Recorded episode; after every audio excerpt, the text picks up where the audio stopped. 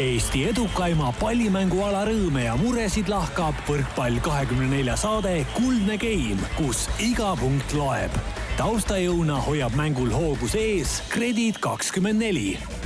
tere kõigile kuulajatele Kodutänava Hubasest stuudiost, mis on tegelikult koduks ainult ühele täna puhtjuhuslikult saates olevale külalisele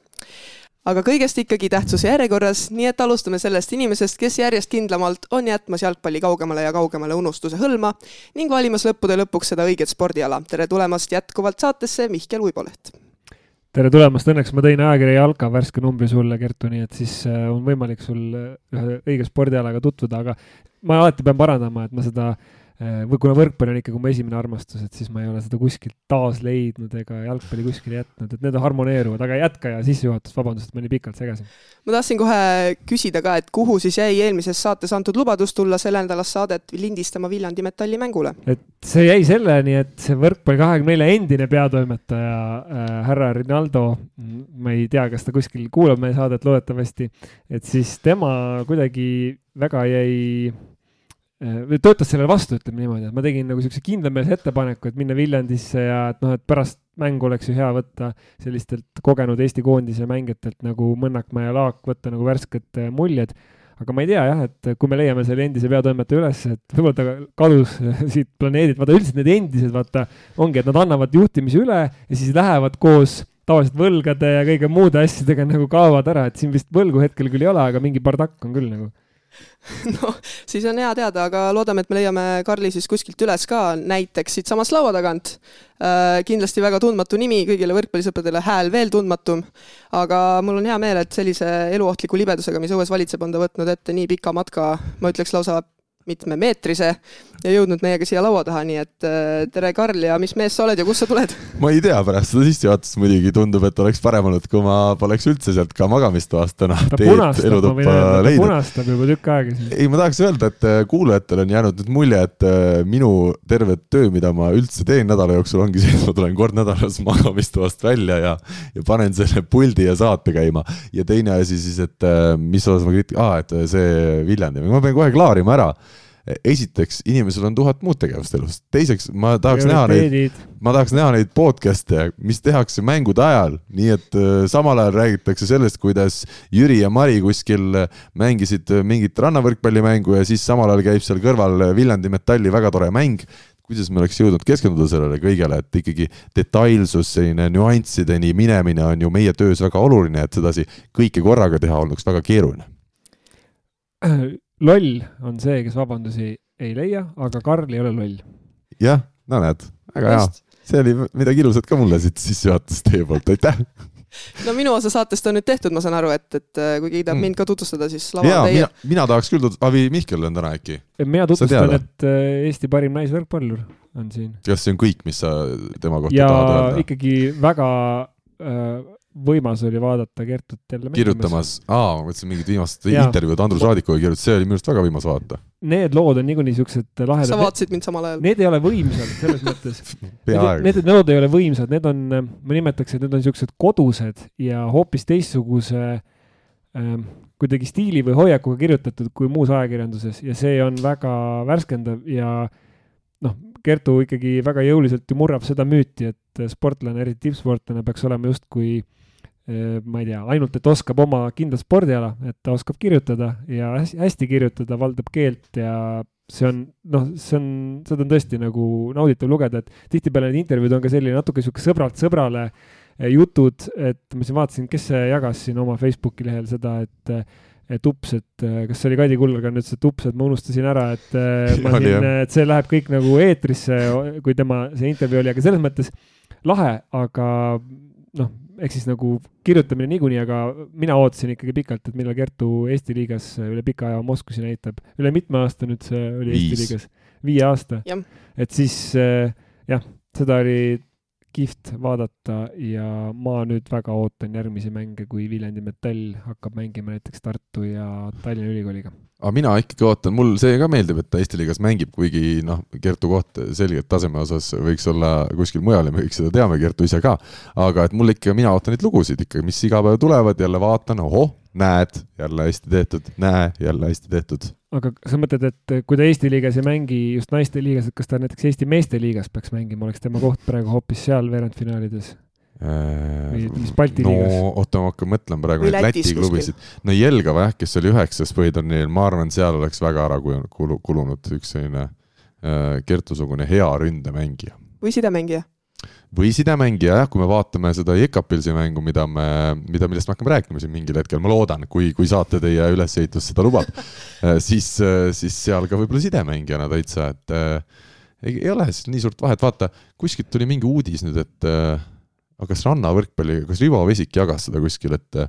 ei ole neid madalama sarja rannavalla etappe MK-sarjast nagu tulemas naistele, et neil on nüüd selline universaalne Äh, etapid, et äh, ole sa naine või ole sa mees, et äh, kõik mängivad. ma ei tea, kas see oli mingi nali, aga see oli kuskil tulnud selline info läbi.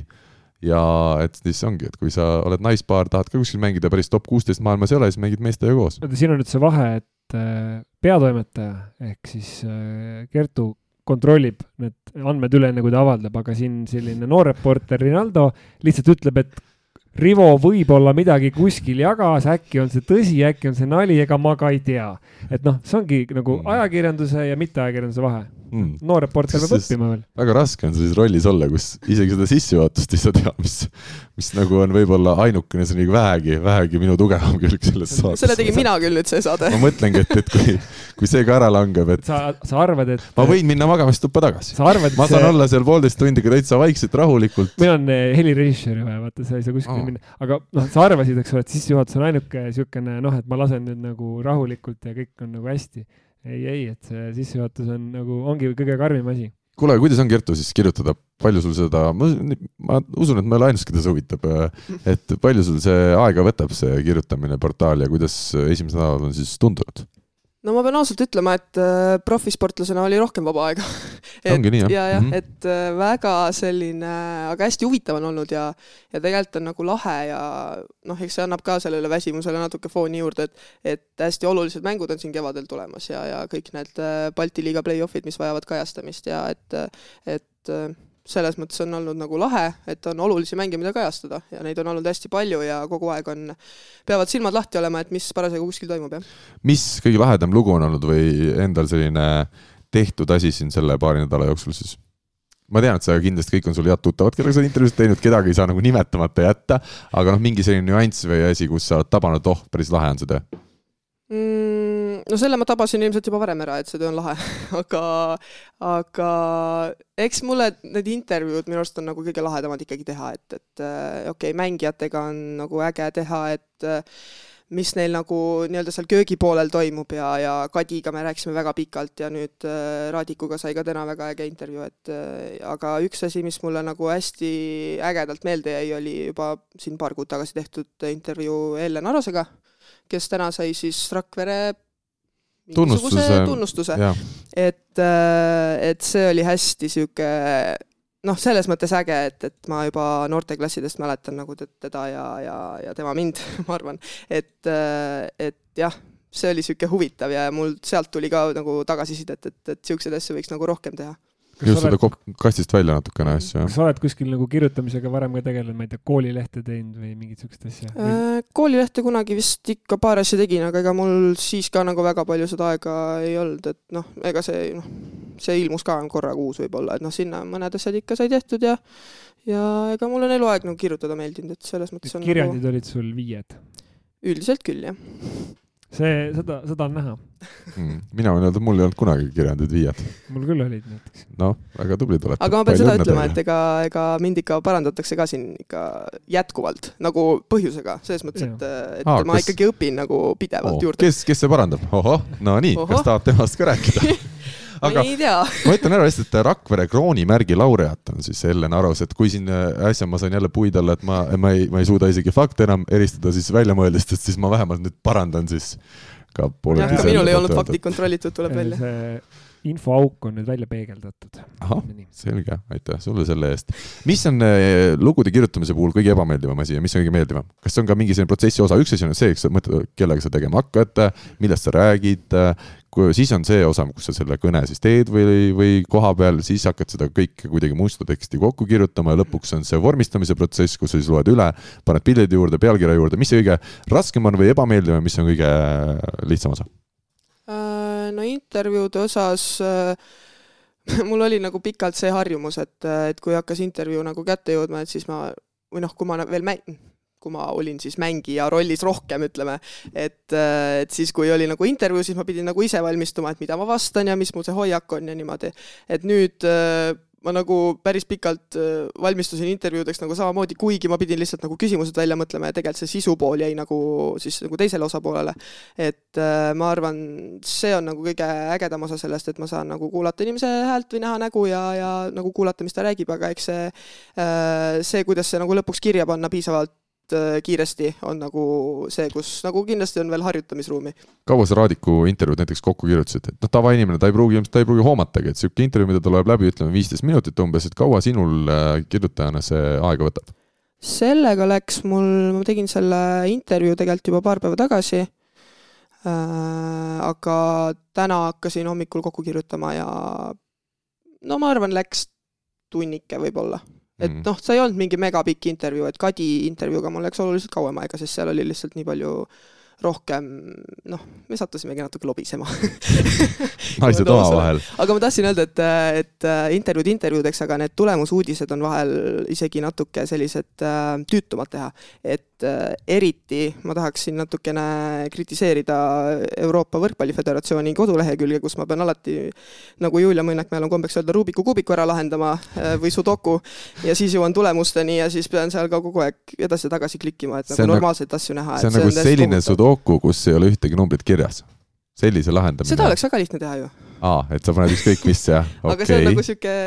veel aste kaugemal. kolme numbriga mm. Sudoku. Ma tavaliselt teen kahega, siis on juba, aa, üks on seal, kaks on seal. siis on näha ikka, et sa oled kauem seda Sudokut teinud. jaa, absoluutselt, aga mis ma tahtsin öelda, et eh, inimesed arvavad, et intervjuud, et noh, et intervjuude võtmine on keeruline vahel, et kuidas suudad neid mõtteid kohe, ma ei tea, teleintervjuudes, otseülekannetes kohe äh, esile tuua ja,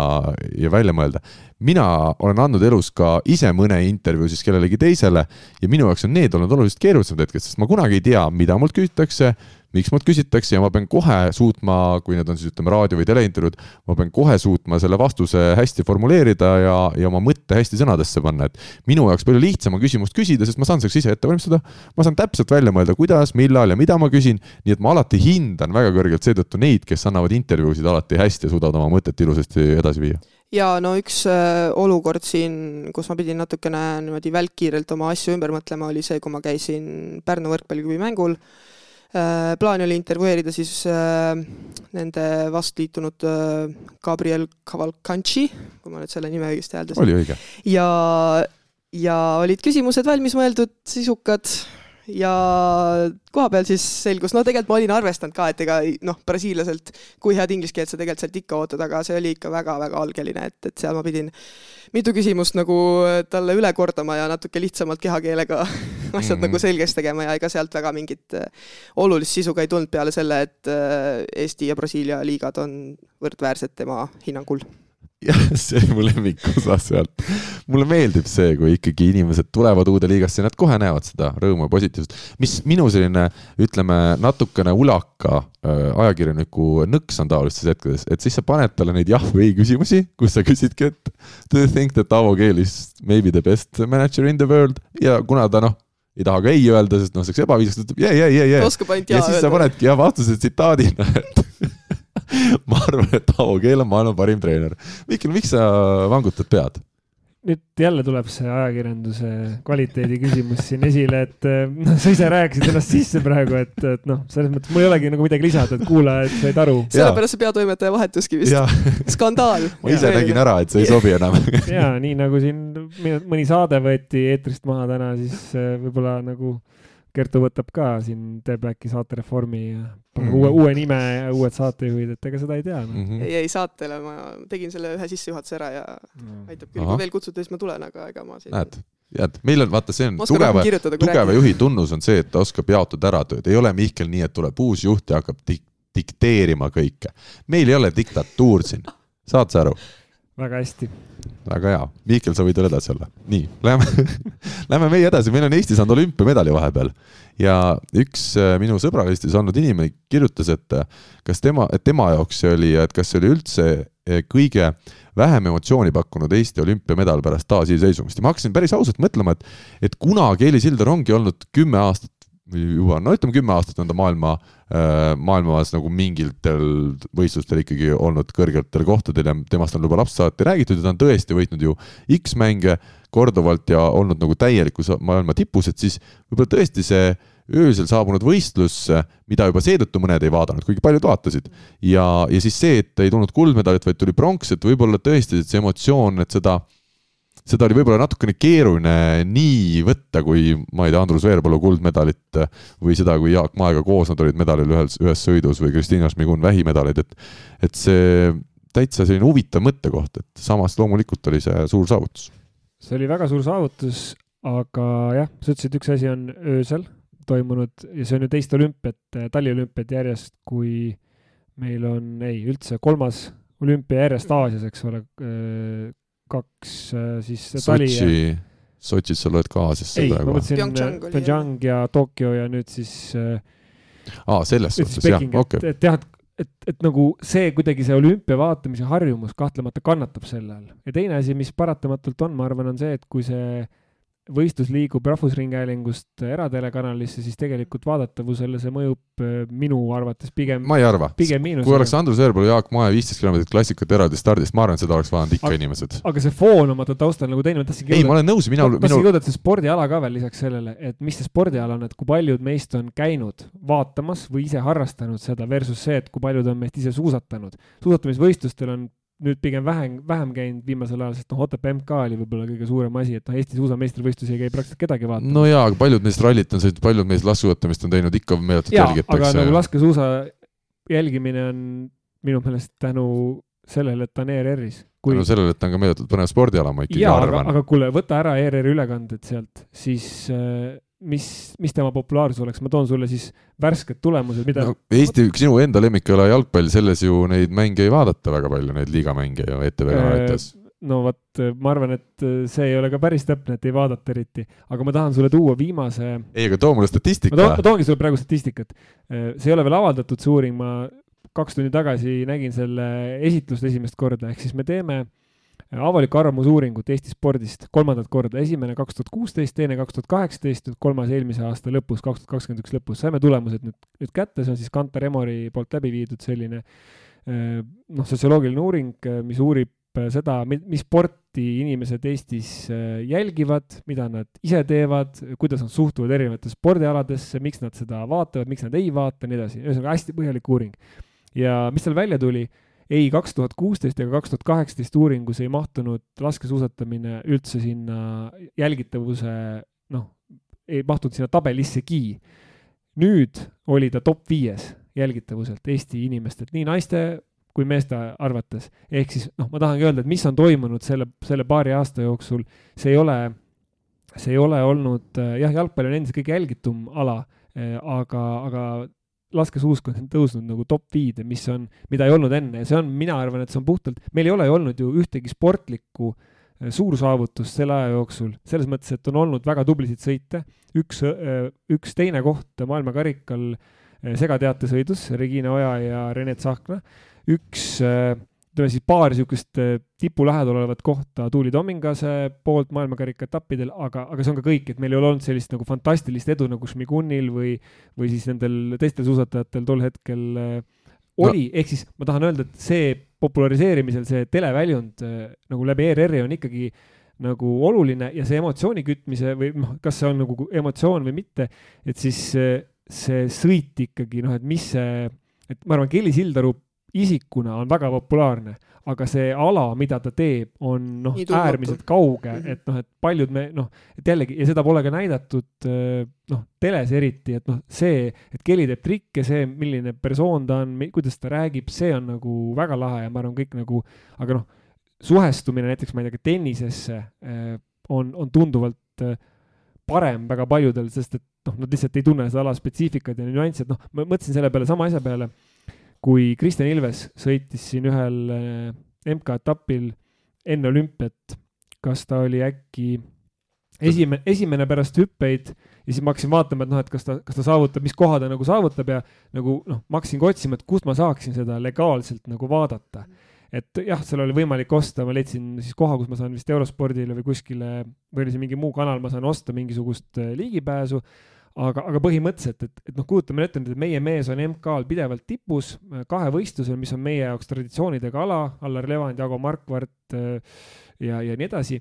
ja noh, ka maailmakarika, mida ma käisin Otepääl vaatamas, noh, seal oli praktiliselt pealtvaatajaid ei olnud tegelikult, seal oli väga-väga vähe pealtvaatajaid, et nagu ja minu meelest see ongi see, et kui sa pidevalt ei ole teles sellise, sellise väljundina ja no sellest ei kirjutata ja kajastata, siis juhtubki see, et aga noh, minu, minu jaoks isiklikult see ei vähenda nagu Kelly Sildaru saavutuse tähtsust, et see, et ta nüüd nii-öelda kulda ei saanud, et keegi ütleb, et sai ainult pronksi, minu meelest pronks on väga hea tulemus ei no asi on lihtsalt küsimus, et kas see oli emotsionaalselt nii palju pakkuv Eesti rahvale kui ei. teised medalid, et kas mul... küsimusele vastus ei? ma tahtsin nii palju lisada, et ilmselt äh, siukseid suusatamise alasid ongi noh, Kelliga suusatab muidugi, aga neid on põnevam jälgida, kui ongi sul finišisirgel on äh, noh, sekundite küsimus, kes saab, ma ei tea, hõbeda, kes saab pronksi, on ju. või siis on see, et kõik hüppavad järjest, e, võib-olla Eesti publik ei saa nii palju aru ka nendest hüpetest, kas on kolmekordne või kahekordne või mis selle hüppe nimi täpselt on, siis äh, see ei olegi nii, nii põnev no, jälgida. aga kahevõistlus on ju ka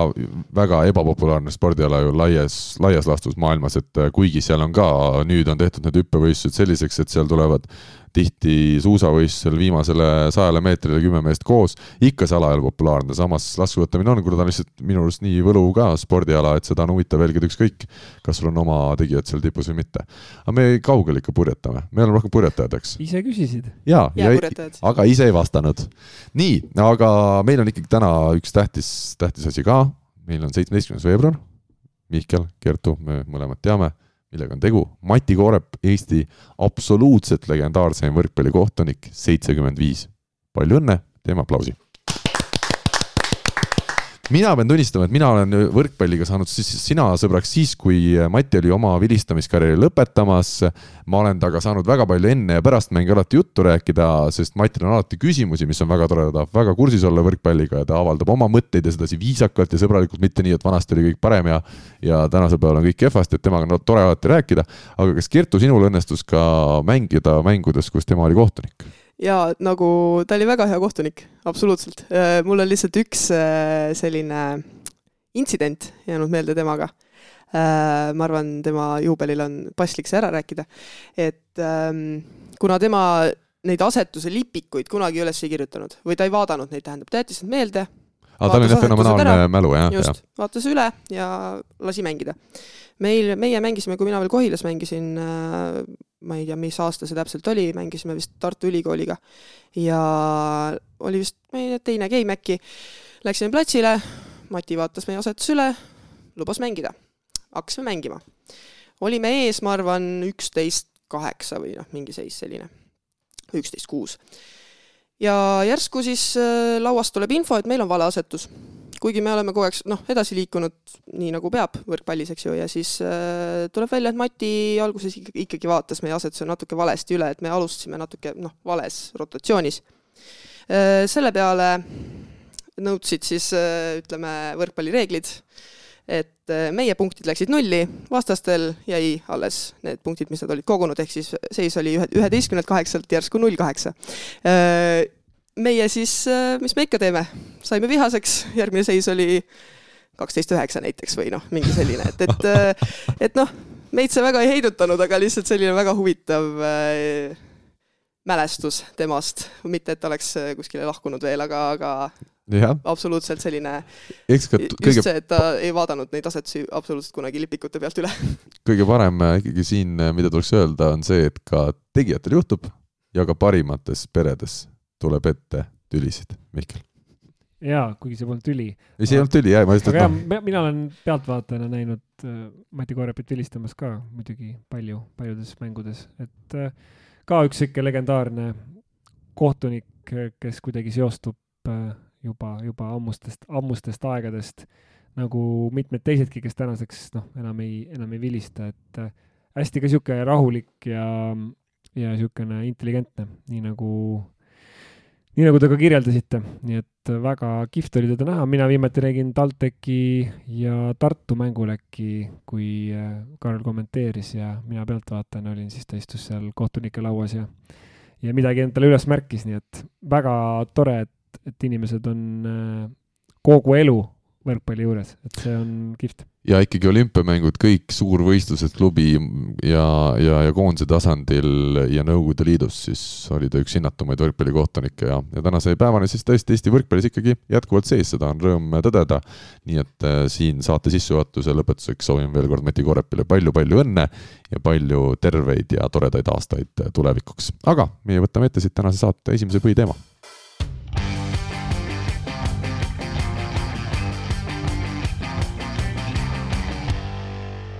ja loomulikult ei ole meil täna pääsu ikkagi avateemana muust kui sellest, et ähm, Eesti rahvusnaiskond on jäänud peatreenerita Lorenzo Michelli, mees, kes siis kahel eelmisel koondise hooajal meid juhendas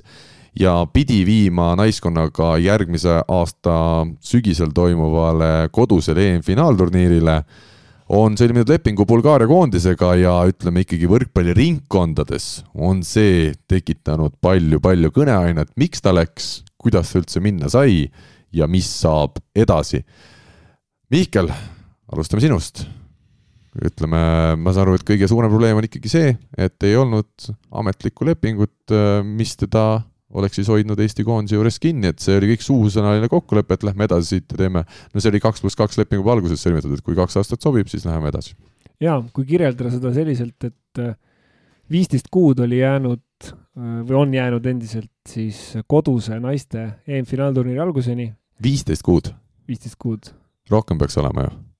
täna on meil alles veebruar mais on see turniir, ei ole, millal see on? ei, see on sügisel, sügisel, jah. siis äh, mingi kaheksateist kuud, okei kaheksateist kuud, jah. poolteist aastat suures plaanis. poolteist aastat ehm,. siis äh, kui, kui lepiti kokku tegelikult vana aasta lõpus oli ju see olukord, kus oli nagu õhus, et kas jätkatakse sama treeneriga või ei jätkata, et siis tegelikult noh, on loogiline, et, et äh, otsustati ära, nüüd on see treener meil järgmised äh, kaks tuhat kakskümmend kaks, kakskümmend kolm aastad ja temaga minnakse finaalturniirile, mis on Eesti naiste võrkpalli ajaloo ilmselt kõige tähtsam üritus, mis on, mis on olnud või ettevõtmine või kuidas iganes seda nimetada. et siis äh, kaheksateist kuud enne finaalturniiri algust ja ütleme noh, kui me räägime siin ettevalmistusest, siis see on ju selge, et selle aastaga algab tegelikult ju tõsine ettevalmistus sellele, et kõik selle aasta tegevused on juba suunatud sellele. tead, ma isegi ütleksin nii, et see algas juba kaks aastat tagasi, kui ta peatreeneriks määrati, sest siis ja. oli Eesti alaliidul, ega see alaliidul see mõte EM-i korraldada ei tulnud üleöö, et tegelikult ja, see mõte oli idanenud juba siis. pikk projekt ja kui sul on kaheksa, ütleme siis nagu nii vähe aega enne seda otsustavat järku on treeneri muudatused, see on väga-väga keeruline teema ja teine asi see jah, et see tundub nagu küll kõrvalt vaadates väga pentsik, et sul on treener, kellega sul ei ole ametlikku lepingut allkirjastatud, et ma hästi ei kujuta ette, kuidas on, noh, mina, no ma saan aru, et tegelikult nagu aumehe sõna peab ka maksma, see on, seda ma, seda meelt ma olen ja siin ei ole küsimus nagu selles, et äh, Lorenzo Michelli kahtlemata, kui ta andis sõna, et ta jätkab Eesti koondisega, siis, siis minu, minu meelest ta käitus valesti, et, et ta, ta oleks saanud loobuda sellest Eesti koondise treeneri kohast sel-, siis, kui ta oleks selle eelnevalt Eesti alaliiduga kokku leppinud. see ongi põhiküsimus, jah. aga, aga nüüd on ikkagi küsimus selles, et noh, ma ei tea, minu jaoks tundub elementaarne, et kui ma käin välja, et tere, me oleme alustanud koostööd või tere, me jätkame koostööd kuskil, teen näiteks pressikonverentsi või pressiteate, siis mul peab olema äh, Äh, paberil allkirjad ja leping taskus, et ma ei saa teistmoodi seda teha, see, see tundub mulle lihtsalt kõrvalt vaadates, ma ei tea, võib-olla võrkpallis käivad asjad teistmoodi, aga nii palju, kui kui noh, ma olen kokku puutunud sellise ütleme spordimanagement'i poolega või ka treenerite palkamisega, siis äh, noh, ma ei tea, ma meenutan, ma ei tea, pressikonverentsi näiteks, kui me tutvustasime Magnus Pärssonit peatreenerina, siis äh, enne kui ta sinna laua taha läks äh,, allkirjastati paber selle kohta, et, et sealt asjad on kokku lepitud ja me saame asjadest ühtemoodi aru, et ja see ei olegi isegi mingisugune nagu usaldamatuse küsimus, ma ütleks, et see on lihtsalt, ma ei tea, professionaalsuse küsimus Kertu, äh, nagu ma olen aru saanud, ikkagi naiskonna liikmete jaoks tuli see ka paraja šokina, et, et ega seda ei olnud kuskilt läbi käinud, äh, et see, no küll oli see üks uudis, et ta on justkui üks kandidaatidest, üks kolmest kandidaadist, aga selle ka Hanno Pevkur kuidagi väga hästi laveeris ära, et see jutt tõele ei vasta ja jätkab Eesti koondis, et see tuli paraja šokina naiskonnal jah, absoluutselt, et, äh, et see langes mul täpselt äh, Viljandi Metalli debüüdipäevale mis oli hästi tore, aga jah, äh, see hetk, kui, kui see nii-öelda esimene niisugune kõlakas välja tuli, ma ei arvanud sellest mitte midagi. et mõned naiskonnaliikmed küll natuke olid niimoodi, et oot-oot-oot, et mis nüüd nagu toimub, ma täiesti südamerahuga ütlesin, et see on täiesti tühjast kohast, ma arvan, et noh, ikka on niisuguseid kõlakaid üles nagu vuntsitud ja jah, ütleme see teisipäevane uudis äh, tuli ikka niisuguse nagu šokina, et, et, et ma olin päris pikalt nagu väga pettunud ja väga kuri ja kurb nagu samal ajal, et äh, kelles sa pettunud olid, kas peatreeneris, alaliidus äh,? esialgu peatreeneris, sest et no ütleme, see soov ikkagi äh, pidi nagu tal endal olema, kui see kandidatuur nagu esitati sinna Bulgaariasse, et, et noh, ütleme praeguseks äh, ma olen nagu võtnud seda, seda mõtteviisi ka, et ikkagi noh, tegemist on nagu äriga ja, ja kui sul tuleb parem tööpakkumine, siis no ütleme, igal teisel elualal äh, võib-olla nii käivadki asjad, et noh, kunagi ei tea, aga et mis seal taga nagu täpselt on, aga, aga jah äh,, väga raske oli seda alguses mitte isiklikult võtta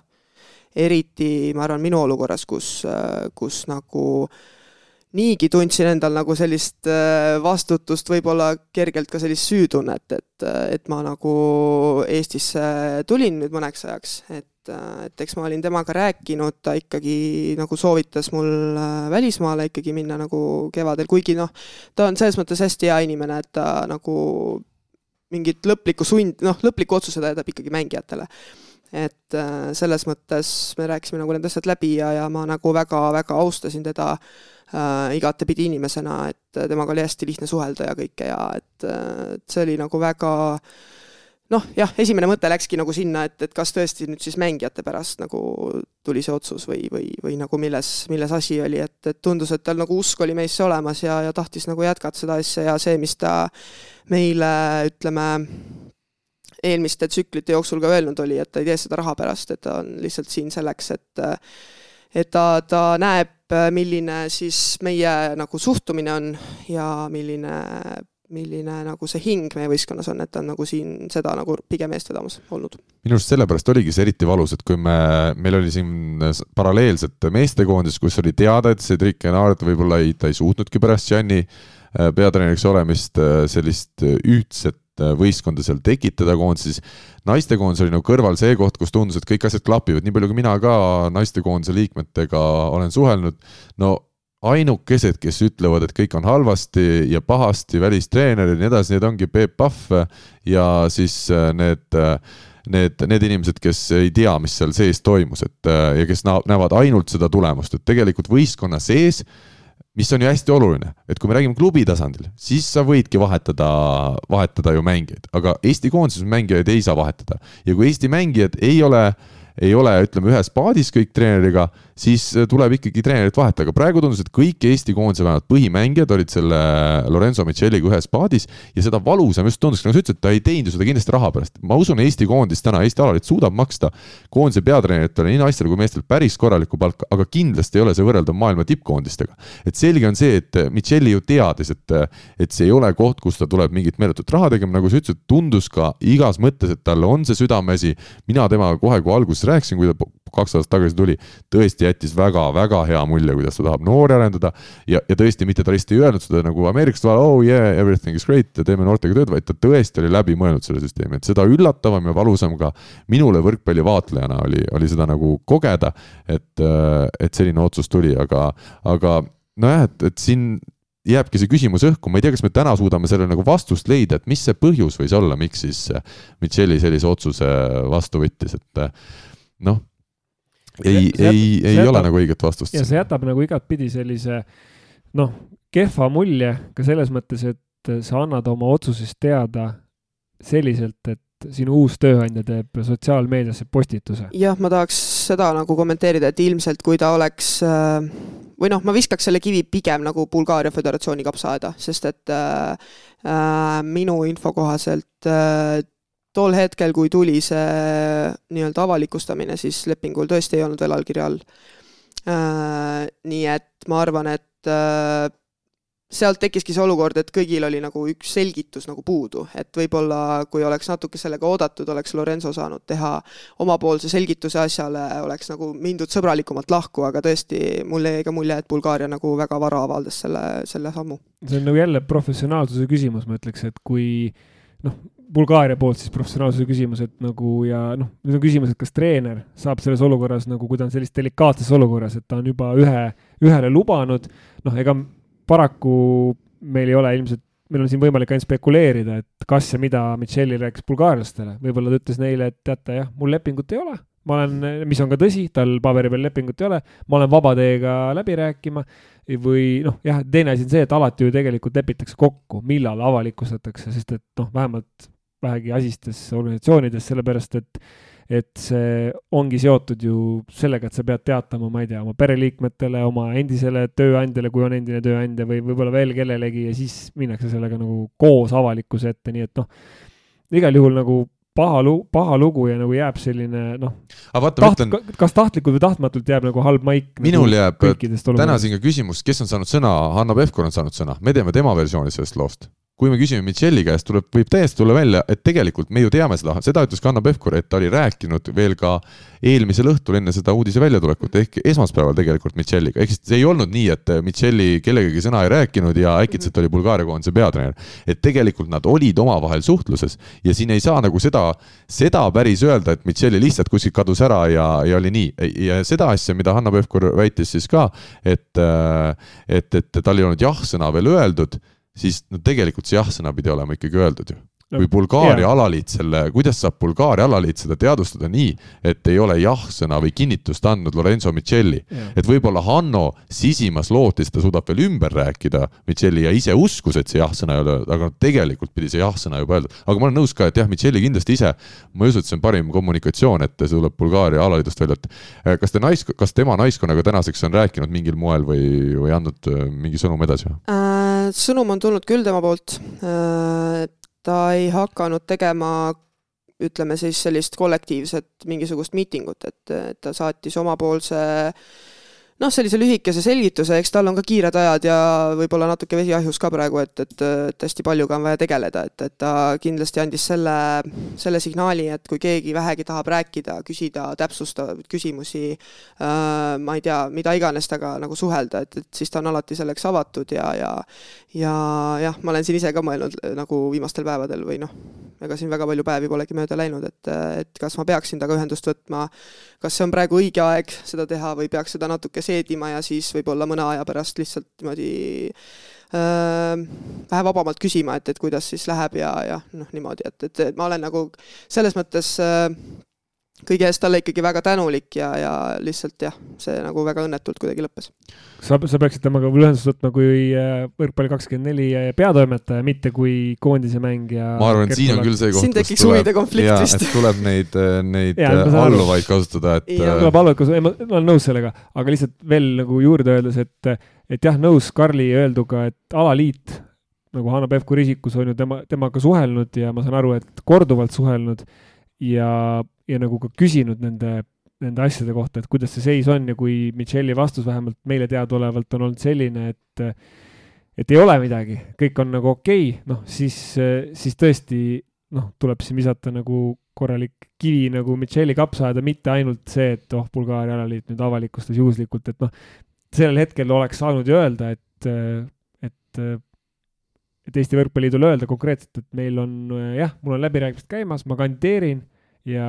need on juba lõppjärgus, et noh, et või siis nagu noh, ma ei tea, sa, sa pead ennetama seda, sest et esiteks on see, et kui informatsioon juba lekkis, kui sul on äh, kuskil internetis juba kirjutatakse selle kohta ja sul, sinu praeguse tööandja, kellega sa oled suusõnalise kokkuleppe teinud, tema esindaja helistab sulle ütleb, et kuule, et sihuke kuulujutt on, noh siis ole mees ja ütle, et, et jah, nii on. Ja ja lähme nagu asjaga edasi, ütlegi, et ma praegu tõesti nagu kandideerin sinna ja ma saan, ma ei tea, teisipäeva õhtul teada ja siis ma helistan sulle kohe esimese asjana, sest noh, sa pead nagu ise arvestama, et tänapäeval informatsioon lekib nagu kohe. Keegi teeb kuskil mingi sotsiaalmeedia postituse, mõni, ma ei tea, Bulgaaria alaliidu juhatuse liige või kes iganes, et noh, siis see läheb nagu kulutuli. Minu küsimus on Kertule, kes sa tunned ilmselt äh, maailma naistekoondise sellist võrkpallitaset rohkem kui mina ja Mihkel, et Bulgaaria naiskond hetkel maailma edetabelis viieteistkümnendal kohal, Euroopa edetabelis üheksandal kohal. Ja no Eesti kohad vastavalt siis viiskümmend kaks ja kolmkümmend kaks. et äh, kui kõva see Bulgaaria naiskond tegelikult on, kas seal on mingisugused äkki superstaarid tulemas peale, kelle pealt võib suur võrkpalliriik nagu Bulgaaria on loota sellist äkitset tõusu tagasi tippu? Või, või kas seal võib peituda äkki see iva, et tegelikult Micheli ju ei saa ka öelda, et see noh, nagu ta ütles, et vanus on selline, et võimalusi ei pruugi tulla, aga minu arust ta on ju olnud aastaid juba täielikus maailma tipus naiste võrkpalli just peatreeneri rollis, et minul tundub, et see Bulgaaria ei ole nüüd mingi imeasi, millest tuleks kinni haarata, kas võib-olla ma ei näe seda sügavust seal Bulgaaria naiskonnas lihtsalt? Äh, seal on kõvasid nimesid küll, ma niimoodi äh, võib-olla peast ei oskagi neid tulistada tegelikult, et nad ei ole nüüd võib-olla maailma superstaarid, aga aga nad mängivad väga arvestatavates liigades, äh, kaasa arvatud Itaalias, ja noori on seal ka kindlasti rohkem juba puhtalt nagu riigi rahvaarvu poolest, et ja, ja jah, ütleme, ei oskagi nagu selles mõttes midagi öelda, et eks iga inimene teeb oma otsused nagu ise ja, ja noh, talle, nii palju kui ma tean, ikkagi Bulgaariast nagu anti vabad käed, et, et oma stuff'i ja asjad sinna nagu ka liigutada ja, ja selles mõttes oma tööd seal teha ja ma arvan, üks asi, mis ma nagu pean mainima, mis võib-olla ei ole äh, ei ole selline hästi võib-olla meeldiv teema, aga, aga et äh, ikkagi minule jäi mulje, et Eestis ta ei suutnud äh, seda sellist põhjalikku noortetööd, mida ta oma vaimusilmas ette nägi, ta ei suutnud Eestis ikkagi läbi viia. et seal olid mõned sellised äh, takistavad äh, faktorid selle, selle koha peal, mis tema plaanid nagu tegelikult ette nägid. sa siis pead seda silmas, et kuidas tuua noori nagu rohkem kaasa ja, ja teha neist mängijaid? Jah, nagu ühest küljest seda, teisest küljest äh, kuidas ma nüüd seda formuleerin, et, et eks äh, ta ei olnud äh, minu teada äh, siis rahul selle tööga, mida tehti koondisvälisel ajal Eestis, et äh, et ta üritas teha koostööd, äh, noh, see on minu arvamus, äh, üritas teha koostööd nii Audentese kui kui ka ma arvan, teiste noortetreeneritega, eks mõned tulid kaasa, mõned lihtsalt ei tulnud. jah, seda ma olen ka kuulnud äh, ise samamoodi, et on ikkagi meil neid naistetreenereid olnud, kellele oli see kuidagi vastukarva ja ja kes pigem töötasid sellele projektile vastu, kui et äh, olid sellega kaasas, eks seal on inimlikud mingid põhjused, miks ja, ja kuidas ja kuna meil veel eelmisel aastal TalTechiga seonduvalt olid erinevad mängijad erinevates võistkondades ja oli loodud see TalTechi klubi, mis niikuinii ühelegi konkurendile ei meeldinud, siis seal oli juba sisse kirjutatud need jamad, aga, aga et see läks päris tuliseks seal mingil hetkel, jah. ma lisaks veel selle tasandi siia, et niisugune kultuuriline erinevus tuleb ka siin välja, et üks on niisugune lõunamaine ja teine on niisugune põhjamaine kultuur, et meil on see, et kui sa oled noh, kui sa oled midagi nagu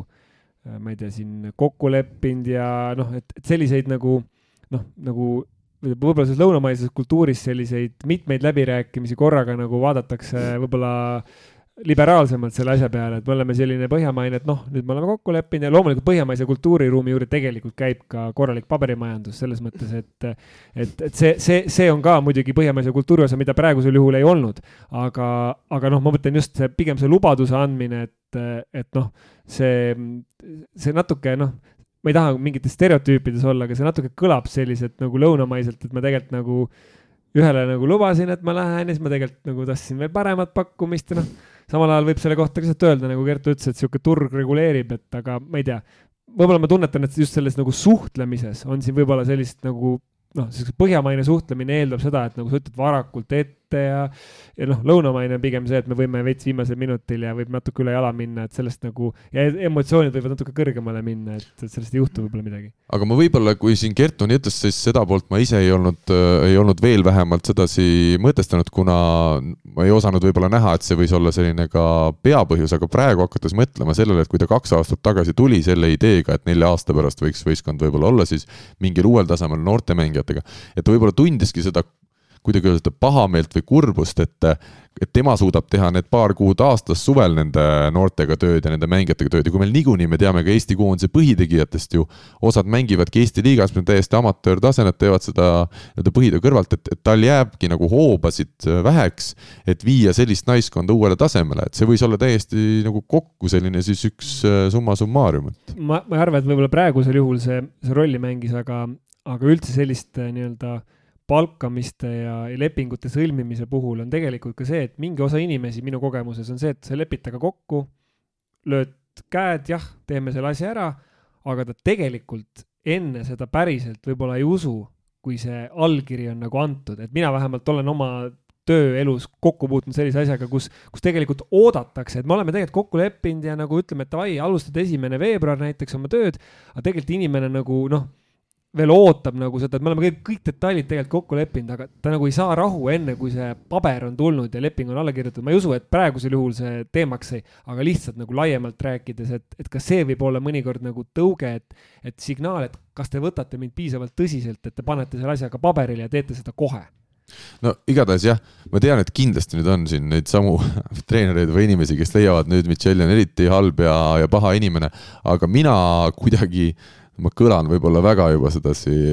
noh, ma ei tea, mis vaimuinimesena, aga mina usun, et keegi nagu meelega iseenda vastu ei tööta, keegi meelega midagi halba ei tahtnud, et Michelil pidid olema selged põhjused tegelikult, miks ta sellise otsuse vastu võttis, ta teadis, et see ei tule ju lihtsalt läbi ja see ei mõju ka kokkuvõttes tema enda sellisele mainele väga hästi, kui ta nii ära läheb, et seal pidi mingi väga ikkagi selge nagu põhjus või arusaam olema, et miks see käik hetkel vajalik on, et seda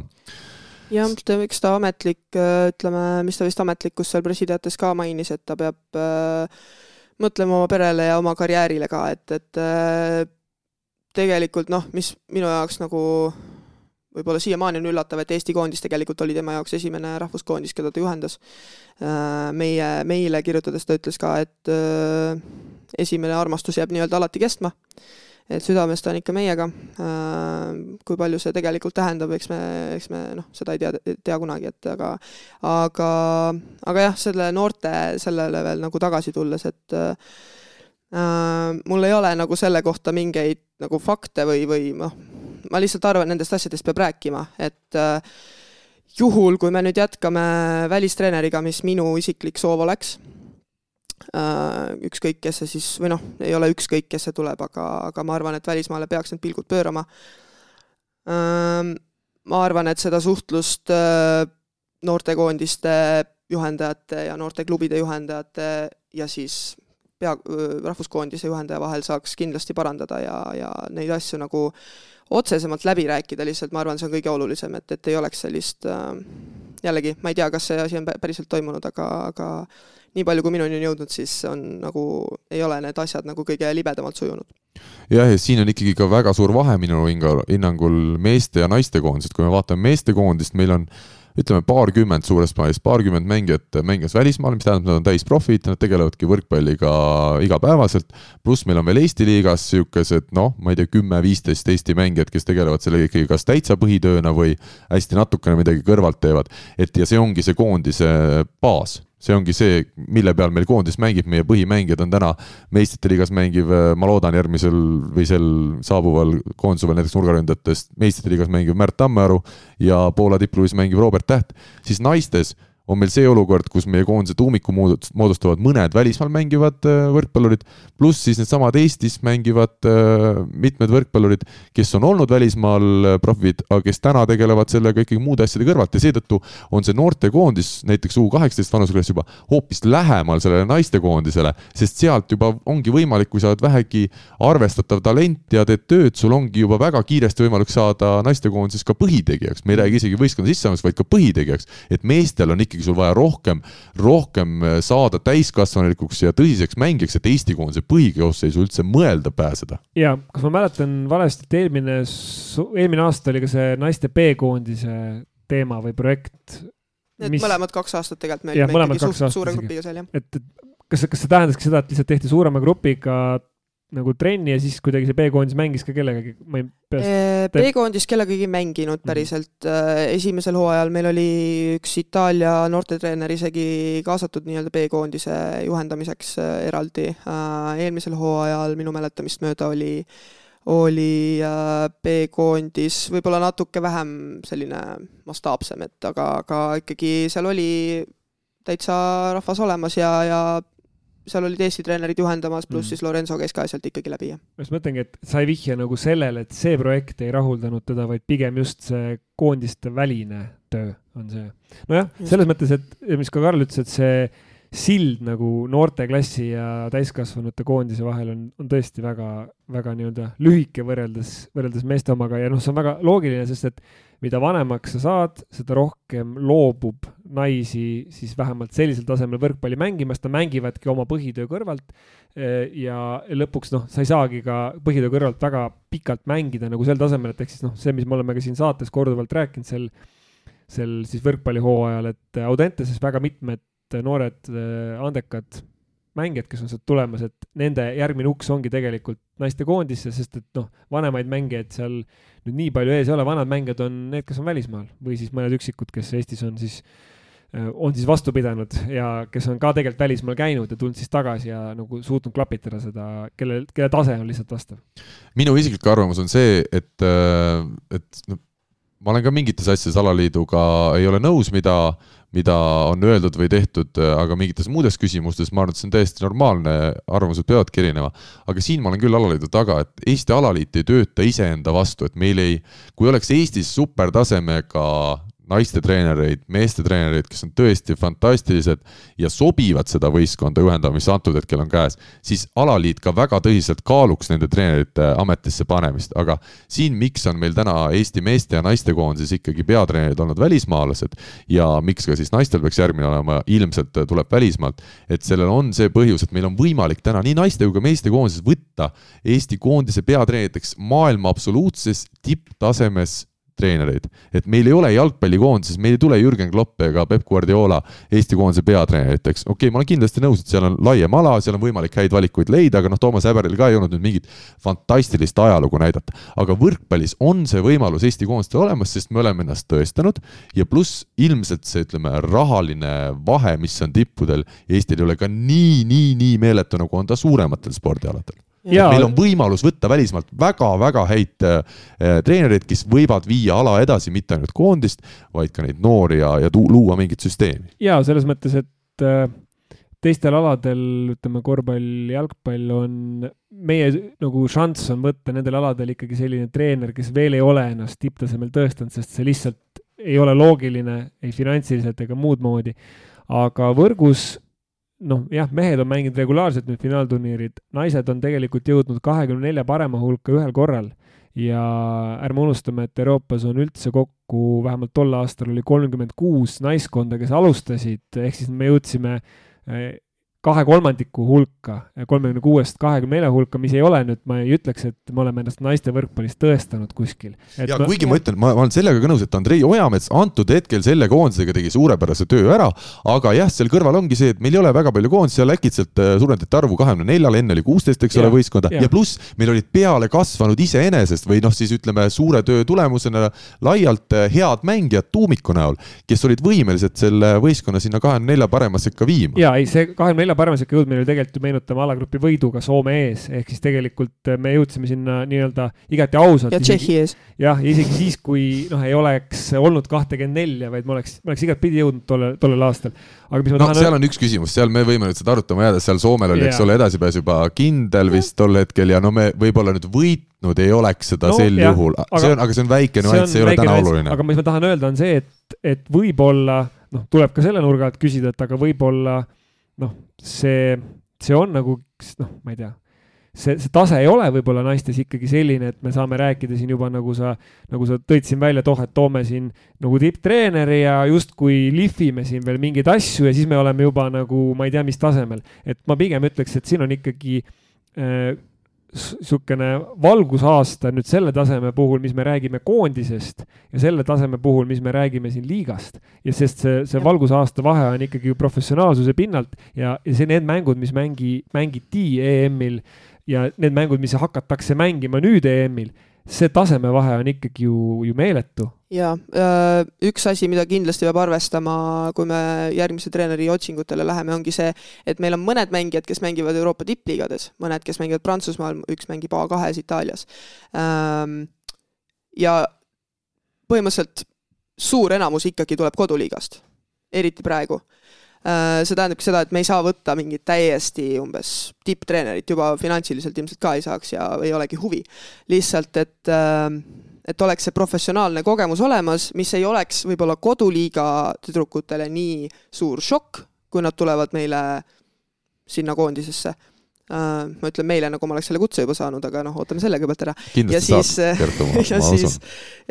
pluss, et see oleks ka arendav nendele, kes tulevad välismaalt sest et me ei saa teha niimoodi, et välismaalt tulevad mängijad koondiseks tagasi, teevad sammu tagasi ja siis peavad uuesti hakkama ennast mm. üles ehitama, kui nad välismaale lähevad. EM-finaalturniiri korraldamine Eestis, kui võtame nagu naiste puhul selle projekti, kindlasti ülisuur pluss, see, et me saame seal ise mängida, see, et see annab võimaluse populariseerida ala ja kõik nii edasi. aga seal on ka see miinuspool, et me noh, peame kokku lööma ju, mis see meile finantsiliselt maksab mm -hmm. ja kas selle raha eest noh, alati saab küsida, et kas selle raha eest ei oleks midagi targemat teha, ükskõik, et isegi kui see on väga tark investeering, siis alati küsitakse niimoodi, et ma tean väga hästi, kui jalgpallis mõni eh, uus staadion ehitatakse või jalgpallihall või, või mõnd, ma ei tea, toetame mõnda premium-liiga klubi, siis ikka küsitakse, et aga kas selle raha eest ei oleks saanud midagi paremat teha. muidugi saab.... eriti hea on seda siis öelda, kui tulemused ei tulegi nii head, nagu oodatakse, tagantjärele. absoluutselt, tagantjärele täpselt. Ja, ja noh, nüüd ma mõtlengi, et, et noh, mis nagu naiste võrkpallis selle hooaja märksõna on, on see liiga suurendamine uute noorte pealetoomine ja jällegi küsime siin juba, siin saates juba mitmendat korda, et mis see väljund neil edasi on, et väljund on täna välismaale minek, kodus neil ei ole, ehk siis noh, ma ei, ma ei ütle, et, et kas EM-i korraldamise asemel või EM-i äh, nii-öelda, või ma ei tea, välistreeneri palkamiseks kuluv raha oleks mõistlik investeerida, ma ei tea, kuhu, kuhu mujale, ma ei tea neid summasid, eks ole, et kas, ma ei kujuta ette, et kas noh, kui mõne kuu eest makstakse treenerile, et tõenäoliselt need summad ei ole kokkuvõttes, vähemalt palgaraha, äh, palgarahale kuluvad summad ei ole nii suured, et lihtsalt, et noh, see peab kuidagi nagu ka harmoonias olema, sest noh, muidu on üks nagu see tipp on nagu väga teraval seal üleval kuskil omaette nagu saarekese peal, aga seda püramiidi nagu seal all ei ole, et siis ta nagu ühel hetkel on seal üleval, siukse hoiame teda püsti seal kuidagi ja siis ta põh, mingi hetk kukub nagu, kukub nagu maha, et see on ka nagu oht, mis, mis kaasneb sellega, et noh, selle kohta noh, ütleme, küsimus on pigem selles, et mis on järgmised sammud, okei okay,, EM kodus, aga inspireerib noori, ma ei tea, Audentesesse rohkem kandideerima, võib-olla noh, inspireerib veel, et eh, noori, et me tahaks saada profi naisvõrkpalluriks näiteks, aga kus need võimalused on? Eh, kes aitab neid eh, tüdrukuid siis välismaale ja kas võiks tekkida Eestis profi, ma ei ütle liiga, vaid profivõistkond või paar võistkonda. ja, ja noh, et kui ei teki, siis noh, okei okay,, siis ongi see perspektiiv, sest praegu mulle kuidagi tundub, et, et jah, et see Michelli nagu näide on on selles mõttes äh, algatanud niisuguse hea diskussiooni, et, et noh, ma ei tea, mina küll ei usu, et et Eesti koondis on täna nii-öelda valmis, et sul tuleb treener välismaalt, kes lihtsalt valib selle, selle, selle, ma olen oma kogemustega, teen ära, et siin on nagu väga palju vaja tööd teha. Ja selles mõttes see, mis Kertu rääkis, Michelli nagu ähm, siis tähelepanu pööramine noortele ja sellele klubides tehtavale tööle on väga õige, aga nüüd ongi küsimus, et kuidas tekitada see, et noh, et sellest, kui öelda, et tehke vahepeal klubides professionaalsemat tööd, sellest ju ei piisa, sellepärast et noh, tahaks ju kõik teha, aga ma ei tea, ma pean käima tööl või ma pean käima koolis, aga noh, kus ma selle aja võtan ja kus ma selle keskkonna võtan?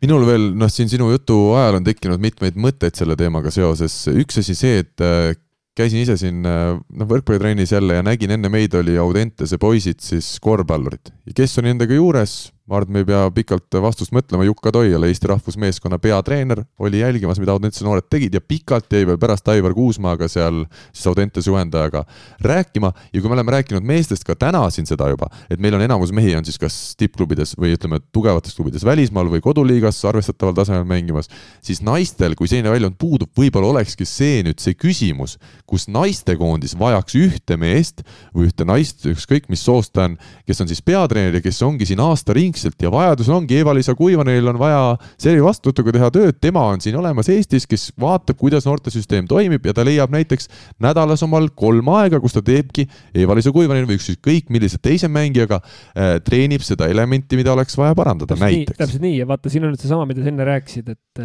et korvpallis ja jalgpallis me ei saa võtta niisugust nagu tipptreenerit, aga mi-, mida me olemegi teinud, me olemegi võtnud Juka Toiola ja Toomas Häberli välismaalt, siis vastavalt korvpallis ja jalgpallis, kes, kes on kogu aeg siin, elavad siin, käivad mööda mängijaid, ühesõnaga kogu aeg tegutsevad. mina arvan, ma olen, ma olen täiesti sinuga nõus, et ma arvangi, et ka naiste võrkpallil on vaja pigem mitte nimekat ja juba saavutanud välistreenerit paariks kuuks, vaid neil on vaja täiendavat ressurssi, kes oleks kohapeal ja kes oleks ilmselt natuke odavam, vähem nimekam, aga kes kes oleks nagu töömesilane, kõige paremas mõttes loomulikult ka oskustega, aga see on nüüd seesama see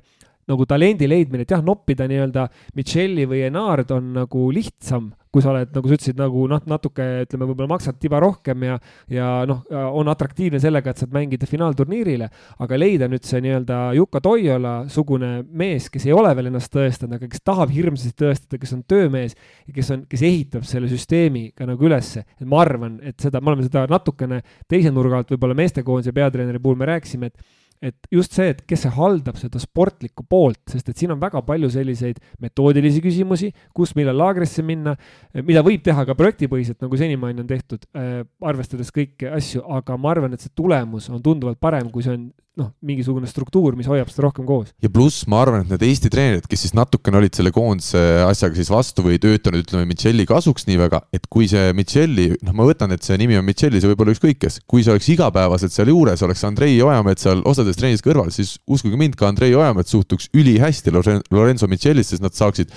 test ta saaks aru, et see mees teeb tõesti midagi Eesti võrkpalli nimel ja, ja vastupidi, Mitšelli näeks, et Andrei Ojamets paneb iga päev ja. kogu oma päeva sellesse, et Eesti noored võrkpallurid äh, saaksid paremaks. ja Mitšelli äh, jällegi kujundina kindlasti ei lahkuks äh, Eesti naistekoondise peatreeneri kohalt selliselt, nagu ta lahkus, kui tal oleks konkreetne side selle kogukonnaga siin ja selle ühiskonnaga, ta elaks siin pidevalt, et praegu ta käis siin Äh, ma vaatasin ta Instagrami lehte, tal oli vist postitus oli eelmisel aastal viimati, kus ta tänas, et oh, et olid äh, toredad kuud ja september, et nüüd ma lähen tagasi siis oma kuigi sellest postitusest ma vaatasin ka, võis lugeda välja, et see oligi tal nagu hüvasti, et jaa, ma, ma lugesin ka natuke. kuigi see oli augustis pandud. kuigi see oli jah, septembris augustis jah, midagi niisugust pandud. et jaa, see, see mõjus väga hüvasti jätuna küll ausalt öeldes. aga noh, mõte selles, et, et ta käibki siin, teeb oma paar kuud ära ja läheb tagasi, et noh, sellel on oma võlu aga ma ütleks, et järjest rohkem ikkagi, eriti sellel tasemel, ütleme, noh, seesama, sa tõid selle jälle kujundina, Eva-Liisa Kuivaneni näite, see on hea kasutada nii nagu Michellit kujundina, nii kasutame tervitame kui... Eva-Liisat, ta on üks meie suuremaid kuulajaid. väga hea, me kasutame teda siis kujundina kui noore eh, ja ütleme siis andeka võrkpalluri ja ja ka tööka, tööka., ärme nimeta ainult andekateks, ma tean, inimesed ise nõus. tahavad, et ikkagi ei ole ainult tööka. Anne see, mis nõus. viib kaugele inimesi. ühesõnaga, et nii-öelda Kuivaneni sugusel mängijal oleks sellest kindlasti rohkem kasu, kui see koondise peatreener oleks saalis, vaataks neid mänge reaalselt, see ei tähenda, et ta hakkab asendama tema klubitreenerit, aga see tähendab, et ikkagi mingisugust lisa seda noh, lisa niisugust tõuget ja see toimibki niisuguses heas koostöös eh, siis klubitreeneri ja koondise treeneriga, et see annab nagu nii palju juurde, sa tunnetad ka seda atmosfääri. Eh, noh, sa võid vaadata videost mängu, see on üks asi, aga kui sa kohapeal oled, tunnetad, kuidas need mängijad suhtlevad, kuidas nad teevad ja sa oskad tänu sellele neid ka paremini kasutada hiljem koondises, et see annab kvaliteeti juurde. üks nüanss on ka see, et meil oli ju välistreenereid siin naistekoondise juures juba päris mitmeid, Kertu võib nüüd täpselt öelda, kui me Max Bruini ka loeme sisse, kes vahepeal oli siis. siis oli no oli Lorenzo, siis oli Alessandro oli teine treener ja ja noh, füsioterapeut oli ka, aga jah, koos Maxiga ütleme, et kolm treenerit mingil kolm, hetkel, pluss meil oli, eks ole, Rainer Vassiljev, Andres Toobal veel Eesti treenerid, et võib-olla noh, me, me siin lihtsalt arutame, kuna meile meeldib Eesti võrkpalli üle arutada ja mõelda välja. eks ma siis ütlen, kuidas tegelikult on. see on nagu et... mingi varivalitsus, vaata natuke siin, et ma, ei, ma lihtsalt tunnen, et tegelikult noh, sellised arutelud nagu äh, rikastavad väga ja sellised arutelud mm, -hmm. noh, ma, ma ei, ei, ei oska nagu piiluda, milline arutelu käib näiteks Võrkpalliliidu juhatuses, aga ma arvan, et sellised arutelud võiksid ka seal käia, et see kindlasti ei ole küsimus sellest, et me teeme konkursi, vaatame üle, kes on, kes on need noh, avalduse saatnud sinna, siis sõelume sealt välja nii-öelda kõige nimekama variandi, vaid pigem minu arust on just see, et, et tuleks ma olen võib-olla idealist, aga ma ütleks, et tuleks saata Euroopasse mõnda suurde võrkpalliriiki Eh, oma, oma skaut, kes käib, eh, oma inimene, kes iganes see on, kes käib ja uurib, vaatab, millise stiiliga mängitakse, küsida võib-olla nendelt teiste treeneritelt, kes täna välismaal töötavad, millised on nende soovitused ja leida just selline nii-öelda tõusev täht või potentsiaalne tulevikutegija aga ma tulen oma selle jutu või pointi juurde tagasi, mis ma küsisin, mitu treenerit oli, et, et meil on võib-olla, võib-olla, ma ei, alaliidu sees asju ei tea, on võib-olla see võimekus isegi olemas, kui me võtaks paar treenerit vähem, aga selle arvelt siis me saame ühe treeneri, peatreeneri, kes oleks aastaringselt siin Eestis, et, et ja siit ma tahan juurde, jõuda veel ühe siis oma mõtte juurde, miks üldse Micheli-sugune tipptreener Eestisse tuli, et jah, me võime rääkida, et Eesti koondis ei ole maailma edetabelis väga kõrgel ja, ja, ja ütleme, see taseme pool, aga teine asi, kui palju on naiste koondis koondistes Euroopas nii põhjalikku, ütleme sellist tuge alaliidu poolt, nagu on olnud viimastel aastatel Eesti koondises, kus ongi needsamad viis-kuus treenerit, füsioterapeut, terve suvi põhimõtteliselt oldi ühes kohas või siis noh, paaris erinevas kohas, saalid olid naistele nii-öelda olemas, kogu abi, kogu tugi oli olemas ja nad said tõesti üliprofessionaalset tööd, et tänapäeval on ju ka selle treeneri jaoks, kes tuleb suvel, ta tahab ka häid tingimusi. et kui ta näeb, et Eestis on sellised tingimused, sul on palju abilisi, sul on võimalus teha tõesti väga hästi tööd, pluss ka Eesti on väike riik ja siin ütleme, Eesti rahvusnaiskond niikuinii oli meil juba kerkinud EM-ile pääsemisega üheks selliseks suureks, ütleme, positiivseks looks, kuidas on võimalik ka koondise või, või võistkonna alal meil jõuda väikese riigina tippu ja et kui sealt veel veel üks samm edasi teha ja teha ka Euroopa meistrivõistlustel võtta mingeid võite või pääseda veerandfinaali, et kuivõrd suur asi see selle riigi jaoks oleks ja ühtlasi see treener siis saaks selles riigis väga tunnustatud inimeseks, et me ei saa ka vähetähtsustada nagu neid, neid aspekte selle juures. väga nõus sellesama asjaga, mis sa ütlesid, et see üks, üks põhjus. pluss meil on noored veel, eks ole, tütarlaste seas on võrkpall ülipopulaarne spordiala, mis loob ka ühe eelduse, et see saab ja, populaarsemaks. üks põhjus, miks tuua selline professionaalne välistreener, ongi seesama see koondise ülesehitus, et ta, ta toob selle kultuuri, et me võime öelda, et noh, meil on vaja seda treenerit ja toda treenerit veel lisaks, aga kui sa ei ole praktikas seda tegelikult kasutanud ja ma saan aru, et Micheli oli vist kas Itaalia abitreener mingi päris pikki aastaid ka Itaalia äh, koondise juures, et ühesõnaga noh, ta on, ta on näinud igal juhul nii klubi tasandil kui ka koondise tasandil mingit pidi nagu seda tippvõrkpalli. et, et siis tema see teadmine just, et kuidas üles ehitada see struktuur, et see võib tunduda nagu lihtne, et oh, võtke seal paar treenerit lisaks, et see ongi professionaalne. aga mis nende ülesanded on, mis nad tegema peavad, ehk siis seal astuti, ma arvan, nagu organisatoorselt samm edasi, nüüd on oluline, et Micheli lahkumisega see organisatoorne know-how ei läheks, et see ei oleks niivõrd peatreeneri põhine, vaid see ongi nagu minu meelest ka alaliidu suunata, öeldagi, et teate, meil on niisugune struktuur, et meil on vaja seal, ma ei tea, pöörata tähelepanu taktikale ja toitumisele ja ettevalmistusele ja ükele ja, ja nii edasi, et see jääb nagu, et et see jääks, et selles mõttes, kui ma vaatan neid, seda nimekirja nendest mängijatest, kes oli eelmisel aastal laagrisse kutsutud, see oli suurepärane, see oli väga pikk nimekiri, ma arvan, see andis väga paljudele, kes seal olid äh, kõva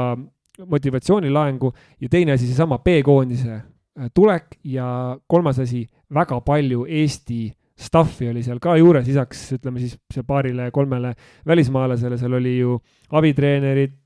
vist Marko Mett oli B-koondise juures veel ja noh, mis iganes seal arst, Äh, mänedžer, noh, et see oli ikkagi professionaalne keskkond ja see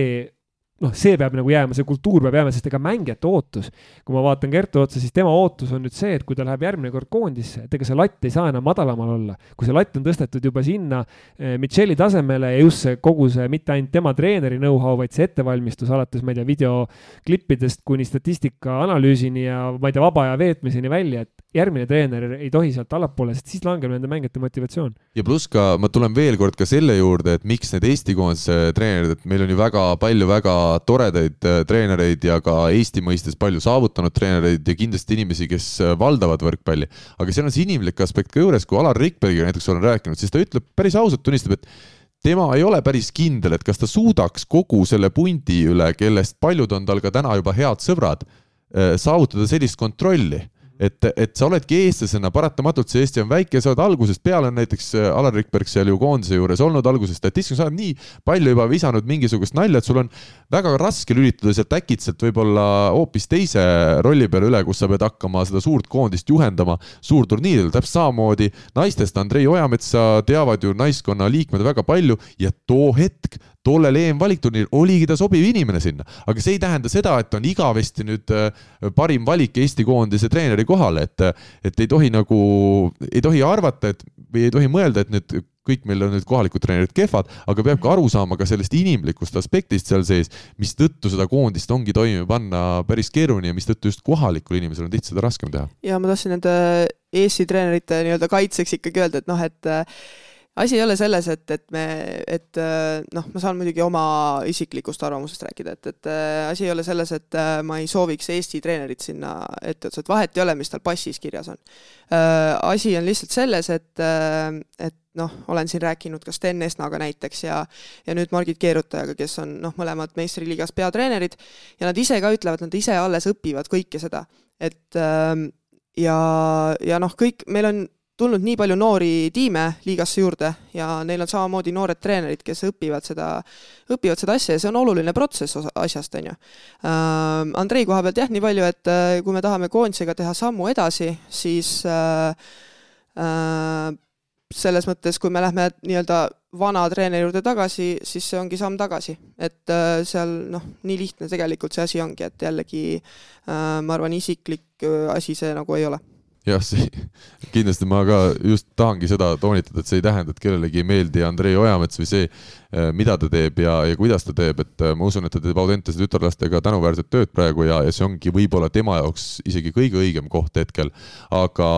mis ma tahtsin äh, selle teema lõpetuseks veel öelda, mul oli midagi head ah,, Rainer Vassiljev on siin ka käinud läbi nii meestekoondisest kui naistekoondisest, äkki tema võiks olla see peatreener, aga, aga miks just naiste puhul on tal keeruline, on ju see, et kui ta on klubis ikkagi tööl välismaal, professionaalses klubis hommikust õhtuni ja meestega tegeleb, siis on, siis on paratamatu, et isegi kui ta väga tahab ja midagi vaatab, siis ta ei jõua olla kursis naiste võrkpalliga ja Eesti naistekoondise äh, mängijate tegevusega nii hästi, nagu ta ilmselt ise, isegi tahaks olla, et, et see juba seab nagu mingisugused piirid. Ja noh, Andres Toobal, kes teil oli pundis, eks ole, täpselt samamoodi Eestis olnud Tallinna Selveri peatreener. Kuna abitreeneritel treeningutel tihti kasutada ei ole, ta peab väga palju asju nagu ise ära tegema ja see on taas paratamatu, et ka temal ei jää lihtsalt aega, et viia ennast veel rohkem naiste asjadega kurssi jah, ta isegi mainis seda ka, et, et ta, tema tõesti ei ole valmis veel seda koondist nagu üle võtma, et eks ta abitreenerina ta oli kindlasti nagu üks, üks nimesid, mis nagu, nagu tuli meil jutuks, aga aga jah, selles mõttes äh, see idee, mis siin nagu praegu välja käisime, et, et võtta selline noor, võib-olla ei olegi nii kogenud treener, aga tal on seda tahtmist asja teha, ta on näinud professionaalset võrkpalli ähm, kuskilt äh, leiab, et see Eesti koondis on nagu asi, mis saab areneda, äh, pluss on tulemas kodune EM, kus nagu võib-olla noh, eks see pinge on ikka, et sa kodupubliku ees mängid, aga samas sellist valikturniiri pinget sul ei ole peal ähm, ja et ta saakski, noh, võrkpallis ei ole see asi nii levinud, et oleks ainult koondise treener. Äh, et see ilmselt tähendaks seda, et noh, ega neid treenereid ei, ei ei ole niisama maast võtta, et, et eks ta on siis mingi klubi eesotsas hetkel, kus ta oleks nõus ära tulema ja, ja, ja võtma siis Eesti, noh, see oleks muidugi ideaalstsenaarium, et, et me kunagi ei tea, noh, ilmselt ma arvan, realistlikus plaanis läheb see ikkagi nii, et ta jääb klubi eesotsa ka. see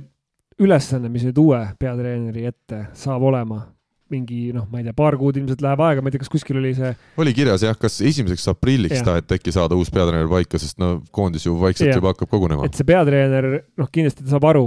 kus, mis rollist ta sellesse või mis olukorras ta selle roll, sellesse rolli hüppab. et ta on nagu natukene juba sellise rongi peal, mis on, mis on jaamast ära liikunud, et nüüd ta hüppab sinna Äh, saab sellest rongist kinni, et, et tal on vaja suhteliselt kiiresti saada ikkagi hea kontakt mängijatega. et kui ta ametisse saab, ma kujutan ette, et tema esimene ülesanne võikski olla ikkagi nagu mängijatega see kontakti saavutamine, mitte oodata selle hetkeni, kui hakkab suvel äh, kuskil koondise laager, et sa pead selleks ajaks juba selle nii-öelda infoaugu ja selle noh, ka selle negatiivse, mingit pidi niisuguse negatiivse energia, mis vahepeal tuli, et sa pead selle nagu nii-öelda äh, ruumist välja saama. Ja ütleme siis lõpetuseks ära, ei hakka need kuupäevad, mis Hanno Pevkur välja kuulutas, et treenerite avaldusi nii välismaalt kui Eestisse soovitakse viieteistkümnendaks märtsiks hiljemalt ja eesmärgiks on alaliit võtnud, et esimeseks aprilliks on rahvusnaiskonna uus peatreener. Selge ja loodetavasti siis esimesel aprillil ei tule seda mingit naljauudist, et näed, peatreener on Mihkel Uibolet ja siis alles maikuu seitsmeteistkümnendal päeval tuleb päris treener kuskilt äh, tagauksest. aga head sõbrad, meil on täna veel teemasid küll ja veel, nii et läheme edasi. kes võidab keda, kas sina oskad ennustada seda? spordiennustus portaalis Pahv, Pahv lööb pahviks nii ja nüüd siis Pahvi ennustusmäng, ma ei, mina täitsa kohe, täitsa kohe kardan juba seda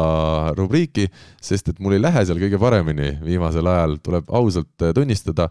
seis on siis selline, mina panin oma Novi Urengoi Faakeli võiduga Uraali üle loomulikult metsa. Novi Urengoi Faakel kaotas null kolm Uraalile, jäi jälle kolmekümnest eurost puudu või ilma. Mihkel pani kolm riskiennustust, nendest üks tasus ära ja see oli siis see, et Bielsko Biala võidab Poola naiste liigas Uchi tulemus kolm-üks kümnest eurost kokku kolmkümmend, nii et need ülejäänud kakskümmend, mis ära kaotasid, sai nii-öelda nullitud. kõige rohkem oli võib-olla kahju sellest, et äh, minu kõige niisugusem äh, prominentsem ennustus, et lakkapäev võidab äh, Raiso Loimut, kaotas kaks-kolm ja see koefitsient oli lakkapäeval kolm koma üheksa, et see oli hästi tegelikult pingeline mäng ja sellest on mul kahju, aga noh, mis teha.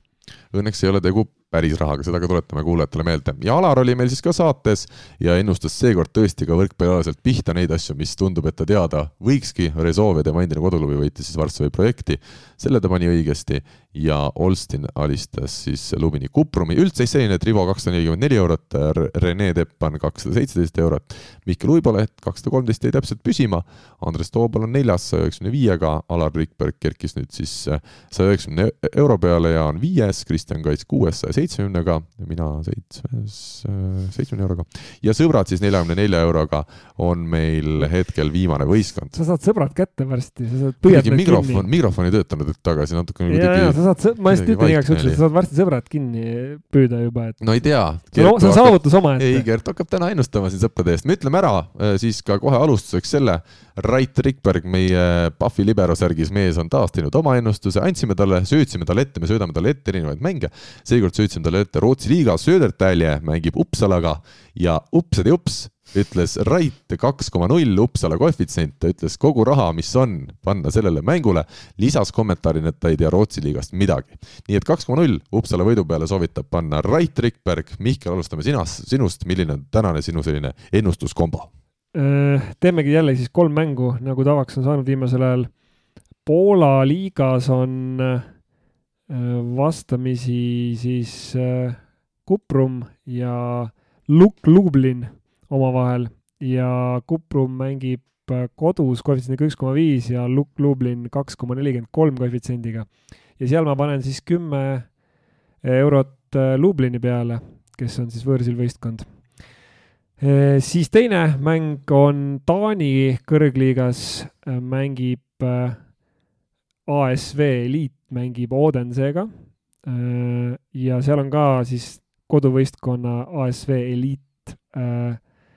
koefitsient kaks koma null ja külaliste Odense on üks koma seitsekümmend kolm, nii et ma panen koduvõistkonna äh, selle ASV Eliit peale kaks koma null koefitsiendiga ja kolmas on samamoodi Rootsi seesama Södertälje ja Uppsala mäng ja seal ma lähen siis Rait Rikbergi vastu ehk siis Södertälje peale üks koma seitsekümmend kaks koefitsiendiga. Kertu, sõna sulle. ma, kas sa tahad ise enne?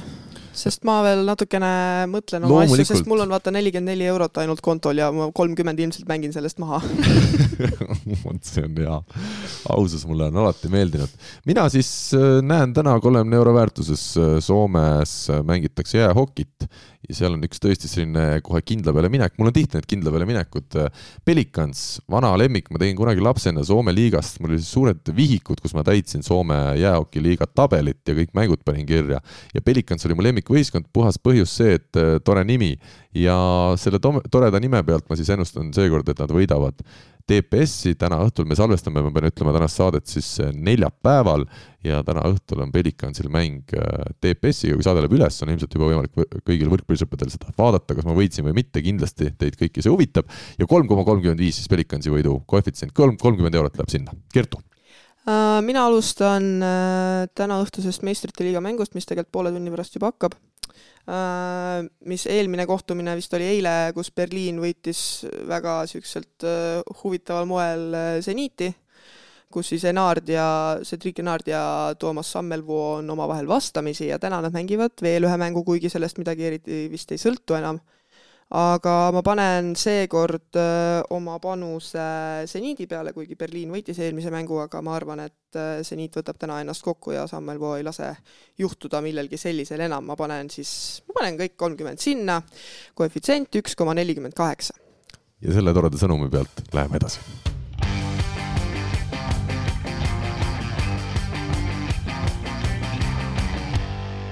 Grade kakskümmend neli Balti liigas tehti algust siis veerandfinaalidega ja neljast Eesti klubist olid äh, esimestes mängudes võidukad kolm.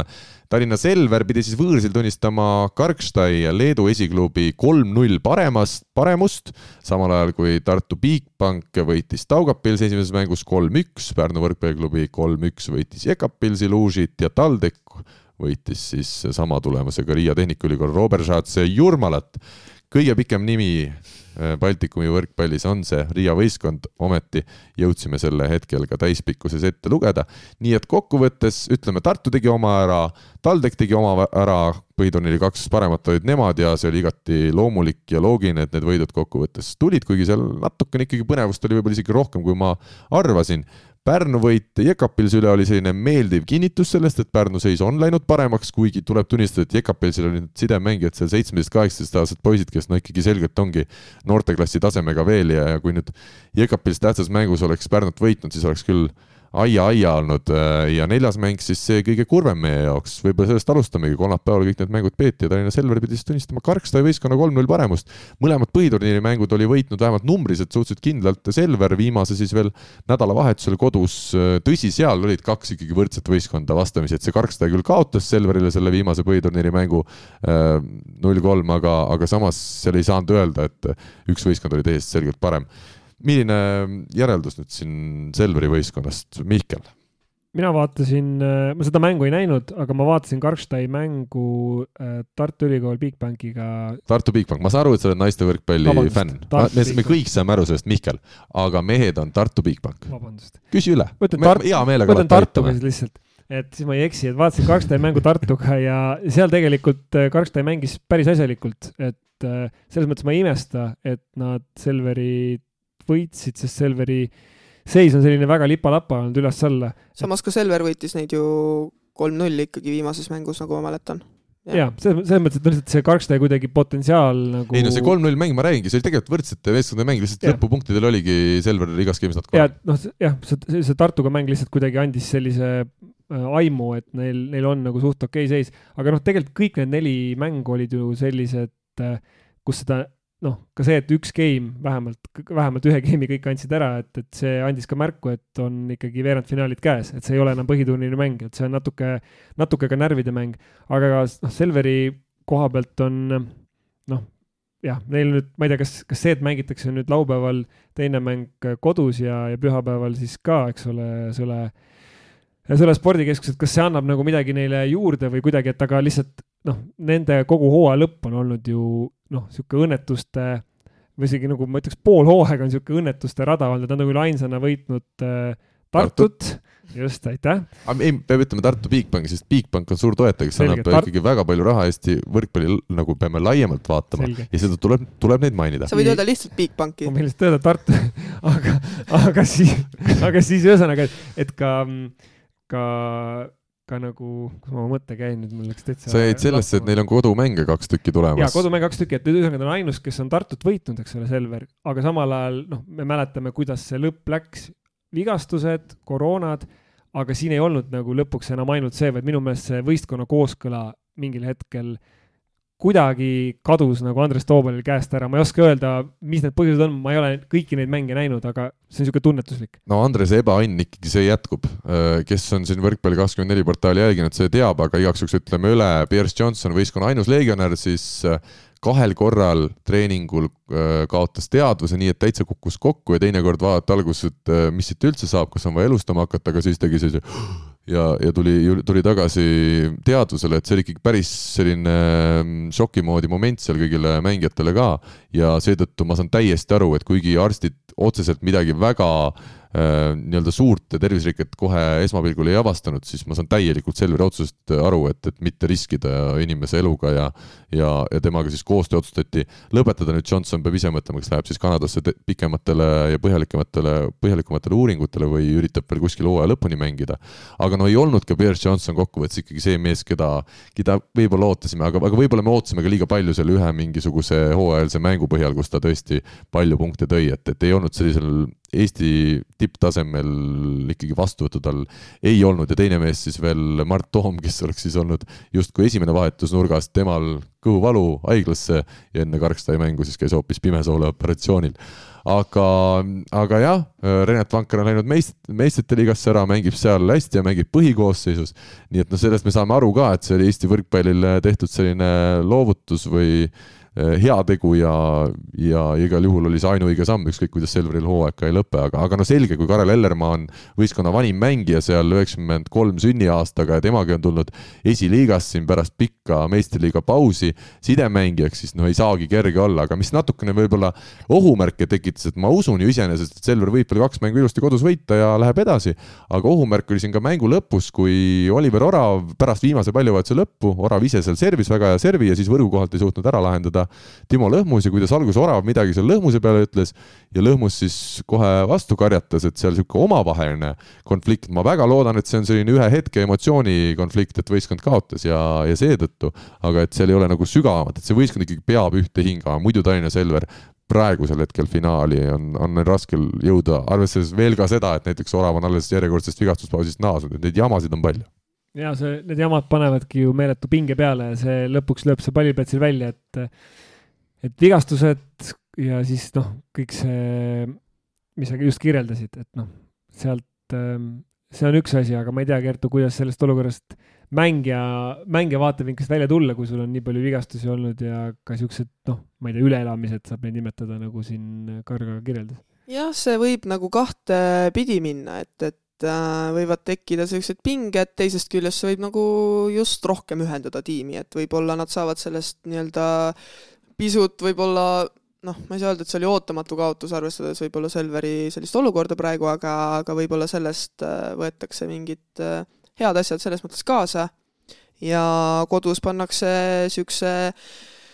ma ei teagi, enesekindlusega või, või niisuguse tahtmisega pannakse ära kaks korda ja, ja siis ei mäleta lõpuks keegi enam, et nad Karlstadilt nagu pähe said, et äh, selles mõttes äh, ma arvan, see võimalus on täitsa veel elus, et neli võistkonda on äh, Baltikate finaalturniiril Eestist. aga noh, mõtlen, et okei okay,, Selver Karlstadi vastu tuleks näiteks välja sellest seisust, aga oleks neil seal Final Fouris midagi teha siis ütleme, arvestades no, enda praegust vormi. ja arvestades ka kõik... seda, et neil tuleb poolfinaalis sel juhul Tartu vastu. lepime ta... selle kokku, et Tartu -hmm. võib siin olla küll teine mäng veel ees, aga Tartu läheb siit edasi. jaa, kindlasti, Tartu läheb edasi, ma olen nõus aga, aga võtame siis järgmise Jekapils ja Pärnu ehk siis Jekapils põhiturniiri kuues ja Pärnu põhiturniiri kolmas kuidagi see võõrsil mäng mulle isiklikult ei jätnud väga head muljet, et äh, seal oli just eelkõige legionärid, meie nurgamehed, Boriss Žukov oli hädas, äh, oli hädas ikkagi servi vastuvõtuga ja teine legionär samal positsioonil, Gabriel Cavalcanchis, oli noh, selgelt hädas rünnakul, et vaatad küll, mängumees tundub vormis on ka, aga no rünnakud absoluutselt maha ei jää väga üksluidne, väga sellised rumalad lahendused tulevad, et jälle on aru saada, miks, miks see mees ikkagi Eestisse on jõudnud, et, et, et eks ta ole selline väga-väga lihvimata ja seda, kas ta üldse teemant on või on ta mingi muu asi, mida tuleb lihvida, seda me veel ka ei tea, et ma tõesti, ma tunnen nagu pärnakatele kaasa ja, ja samas ka elan neile kaasa, et, et need sellised äh,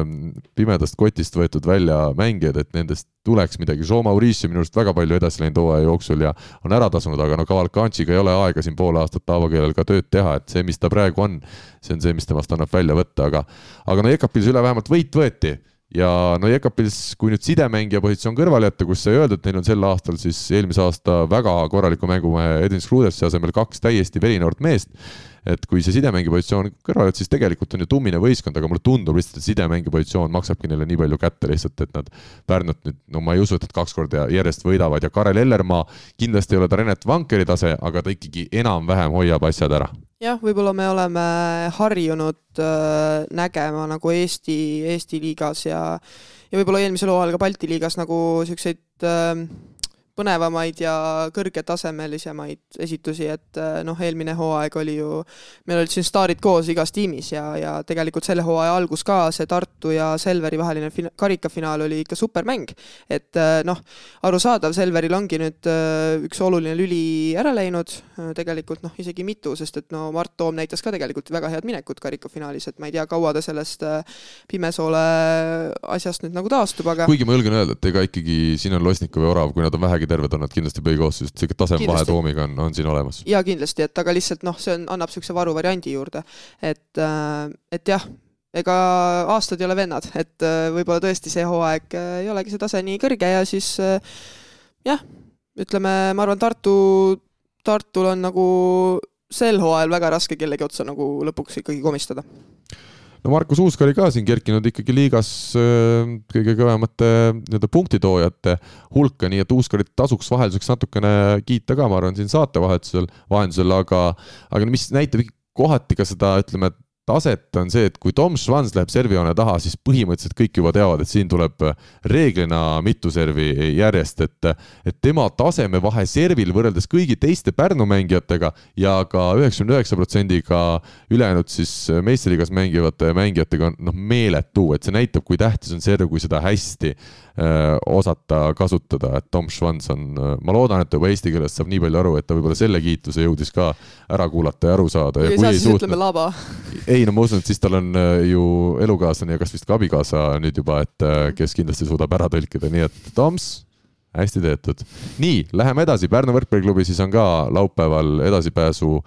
kindlustamises kinni, aga seal tuleb ikkagi veel ma usun, päris kõva andmine, et see väga lihtne ei saa olema. aga no Tartu Bigbankist ja TalTechist kogu austuse juures Taugapilsi ja Riia vastu ei tahaks väga pikalt täna peatuda, sest no Tartu ja Taugapils siin ei tohiks olla küsimust, kaks esimest geimi väga kindlalt võideti, kolmas mingil imekombel õnnestus Tartul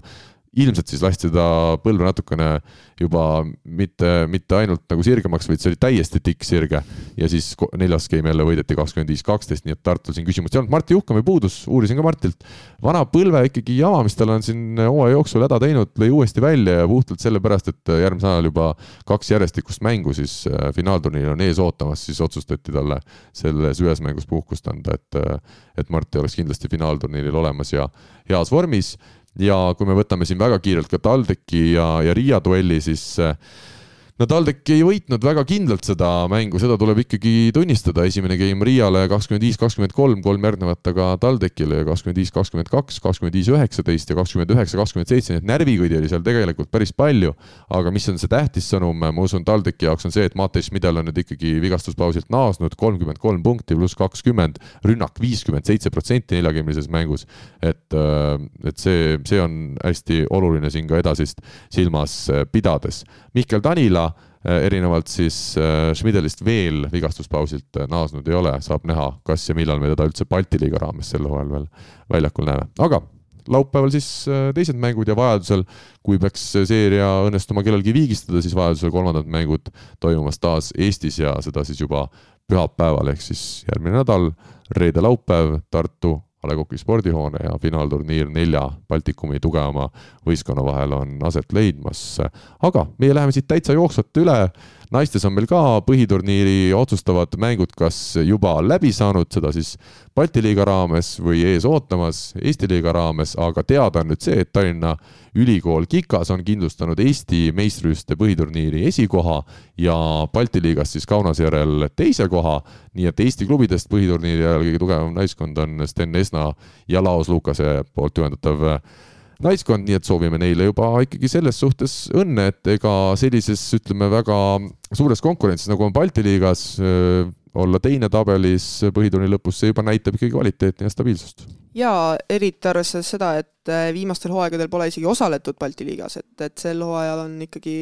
võetud see nii-öelda challenge vastu ja, ja tegelikult väga hästi hakkama saadud. ja et... põhidiagonaal AV Kuusk sai ju juba ikka hooaja suhteliselt varajases faasis viga, et hoolimata sellest on nad suutnud seda taset hoida. jaa, et neil ikkagi oma või noh, neil on seal oma noori palju, neil on seal ka mujalt võetud noormängijaid äh,. ja ka veidi ka, kogenumaid. just täpselt, äh, kes teevad seal väga-väga hästi seda mängu, et alustades Raili Hundist ja lõpetades Merilin Paaloga, et, et ja Merilin Paalo, kes on nüüd viimased mängud liberona mänginud. just, sest Marili Lassil oli vist mingi vigastuse teema, ma sain ja, aru, et ta oli, ta oli niisuguses abitreeneri rollis seal mm, platsi kõrval. nagu Ave Kuuski, nad on selle, seda väga harjutanud seal tõmbavad jooni paberile ja mida iganes, tervitan neid siinkohal äh,. kas nad aga... kuulavad, arvad sa? eks me näe. eks me kuule, eks me kuule. just täpselt um, mis nüüd muidugi Kikasel on uh, huvitav veerandfinaalis, et nende vastaseks on Audentes, kes uh, noh, oli ju karikafinaalist ja kas äkki oligi Kikasega karika poolfinaalis või? ei, ei, ei olnud. ka ah, Kikasel lülitas siis Tartu välja kohe esimeses karikaringis. just täpselt, et no igal juhul selline ainus Eesti klubide vastasseis veerandfinaalstaažis juba, et, et Tartu Ülikool läheb siin Riia võrkpallikooli kaldkriips Läti ülikooliga, mis on ka väga pikk nimi, vastamisi ja jah, siis ülejäänud on nagu Läti, Leedu siseasjad, et, et üks Eesti võistkond siis kahjuks langeb veerandfinaalis, see on nagu kurb, aga kas kuidagi ei saaks neid mõlemaid edasi või? minu meelest võiks. mina arvan ka aga, aga kas ma olen õigesti aru saanud, et see Balti liiga finaalturniir, see peaks siis toimuma Kaunases, kuna nad on põhiturniiri võitjad, seal on sama loogika nagu on meestel? ma saan aru, täpsed andmed hetkel puuduvad, aga loogika nii ütleks jah, et, et aga. oot, Mihkel, Kaunases kohal no kui me lähme koos sinuga sinna podcast'i tegema tea, kas peatoimetaja lubab nii kaugele, see on ju lähetuskulud välisriiki, tuleb taevas appi. vaata, sa rääkisid enne, et, et portaalil veel võlgu ei ole, aga siis oleks. siis oleks, selge, selge. jah, see bensiin aga... on ka nii kallis praegu. õudne, ma ei, ma ei taha rääkida, ma käisin Tartus äh, kergejõust-, ma võin rääkida, mis minu oma elu, oma asjad, mis ma räägin. ütleme nii, et äh, käisin Tartus äh, tegemas siis sellist, kuidas öeldakse võistluse läbiviimist mikrofoniga, noh, ütlesin, kes jookseb, mis toimub. õhtu juhtimine. jah, jah, no ütle, õhtu juhtimine kergejõustiku võistlus. no jah, aga kergejõustiku mõistes. nii, ja siis äh, mul läks seitsekümmend viis eurot läks autoga edasi-tagasi Tartusse ja, ja Tartust tagasi Tallinna. Ja ma, ma lihtsalt ütlen, no see summa, mis ma sealt nagu tasuna sain, oli hästi natukene rohkem kui see kütusele kulunud äh, raha, et ma ei tea, ma ei tea, Mihkel, sa oskad äkki soovitada mulle kui nooremale inimesele, kuidas paremini valida üritusi, kus käia? ei, kergejõustik väga meeldiv, väga tore ja suurepäraselt korraldatud võistlus, siin pigem tuleks vist transporti see oligi pool tasu siis see rõõm jaa, selles mõttes, selles mõttes, et bussi, bussi ja rongipiletid Sellega... on tunduvalt odavamad kui see. kas on, ma vaatasin rongipilet ikkagi seitseteist kuskil või? no jaa, aga edasi-tagasi kolmkümmend suurusjärgus, sa räägid siis seitsmekümne viiest. Nojah, või siis peaks Mihkli-sugused võtma peale ja küsima neilt veel topelt. vaata, Tallinn, äh, seal Facebookis on olemas selline Tartu-Tallinn grupp, kus sa saad kirjutada, millal sa tahad sõita või noh, kas sa, ja siis, millal sa sõidad ise ja siis teised saavad nagu äh, koos sinuga sõita ja see vist viis eurot oli vanasti seal taks. no kuule, nüüd... see, kui sa võtad kaks inimest peale, saad kümme eurot odavamalt, no see, see ei, suurt probleemi ei lahenda. sina lähed kellegi teise peale ei, ja maksad viis eurot. mul on vaja ju need podcast'i materjalid, asjad peale võtta, aga ma ju põhimõtteliselt ma peaks minema rekkaga üldiselt Tartusse, mul nii palju asju, mis on vaja kaasa võtta ja pärast ka tagasi tuua no ega see ei muuda asja, nagu sa kirjutadki, et vabandage, et kas te saate nagu pagasiruumi, mul on üks sihuke kast onju ja, ja milles küsimus? mul on pagasiruumis on jah üks kast, siis mul on äh, trennikott, äh, arvutikott ja siis ma võtaks ka sõbra Mihkli kaasa, et kas Mihkel ka, kas pagasnik on piisavalt suur, et sõber Mihkel ka mahuks peale? ja miks mitte, proovi vähemalt, aga vaata kui hästi ma laveer, laveerisin sinu küsimust praegu kõrvale. sa laveerisid täiesti kõrvale, aga. aitäh sulle. aga minnes tagasi nüüd nende veerandfinaalide juurde, siis millest me siin räägime, siis lihtsalt tähelepanu juhtimise mõttes, et äh, Tartu naiskond mängib neid äh, äh, kahekümne kuuendal ja siis vist kakskümmend millest sa räägid, Tartus on kas kordusmäng on kakskümmend kuus ju? kakskümmend kuus ja mhm. kakskümmend seitse potentsiaalselt, siis on, on..., need on A Le Coq'i spordimajas. oot, oot, ma ütlen ära, et üheksateist null kaks on ju Riias esimene mäng, siis kakskümmend kuus ehk nädal aega hiljem on Tartus teine Just. ja siis vajadusel on Just, kolmas ka Tartus. kakskümmend seitse, et oota, aga mis seisud on siis, räägime üldiselt, ma arvan, et inimesi, kes nüüd teab Balti liigat nii hästi, ma saan aru, et Kaunas on sel aastal ikkagi väga tummine võistkond ja, ja kuna nad põhiturniiri võitsid, siis äh, oleks natukene imelik pidada kedagi teist siin hetkel esimese koha pretendendiks rohkem kui neid. Nad kindlustasid selle võidu ikka suht vara ära jah, selles mõttes, eks äh,, eks see turniirisüsteem on selline, et äh, seal Final Fouris võib nagu ühest mängust päris palju juhtuda kuigi kui nad nüüd kõigi eelduste kohaselt mängivad koduväljakul, siis seal noh, ma ei tea täpselt, milline see hall on, viimati kui mina Kaunases mängisin, oli see ikka korralik kingakarp, et, et seal noh, noh, nii on lihtsalt. Äh, ja. mis, mis ma selle Tartu ähm, kodumängude kohta tahtsin öelda, siis ma ei ole kuulnud sellist, kusjuures, kust see tuleb? Kust see tuleb, ma ei tea. kingakarp, naiste, ilmselt naiste värg, ilmselt värg, mees ei ütle kunagi nii. ei, see on väga hea väljend. mul tekkis ette, kui hea ettekujutus küll, see TalTechi saalist saaks ka öelda siuke korralik kingakarp või ei saaks äh,? TalTechi saali kohta öeldi kunagi heinamaa vist või oh,? et ta on nagu lai, aga madal ja ka kollast oli põrand mu arust ah,. Okay. no see on muidugi. see rikastab igal juhul, jätka Kertu jah, lähme terminoloogiast edasi. et see, ma saan aru, et kuna Tartu Ülikool Bigbank mängib A Le Coq'i spordihoones kahekümne kuuendal, kus samal ajal toimub ka siis meeste Final Four ju, ehk no, siis hommikul on naiste mäng kell kaksteist ja, ja siis Nad saavad Taraflexil mängida, nii et selles suhtes väga hea. jah, loodan küll, et ei võeta seda üles vahepeal. Ei, jah, hommikul. Ja nimme sellepärast, et naised ei saaks mängida. No, jah, võib juhtuda. igatahes me soovime siis Tartu Ülikool Bigbankile kõike kõige paremat, äh, samamoodi nagu me soovime ka Audentesele ja Tallinna Ülikool Kikasele, no no väga loodame, et ikkagi finaalturniiril kaks Eesti naiskonda on. Äh, et, et siin võiks ju ikkagi nii minna. nojah, selles mõttes tabeliseisus nad olid ju teine ja kolmas mm -hmm. vastav. aga no naistel tõesti on väga, ütleme, ühtlane ja huvitav see põhiturniir olnud ja. ka. Jelgava, Joonava Just ja noh. isegi need Nad nimed on isegi... juba väga ühtlased Ri. Riia võrkpallikool. seal Jelgava ja Joonava minu meelest jäid isegi samade punktide ja, ja samade võitude arvu peale selleks game'ide lugemiseks, nii et noh.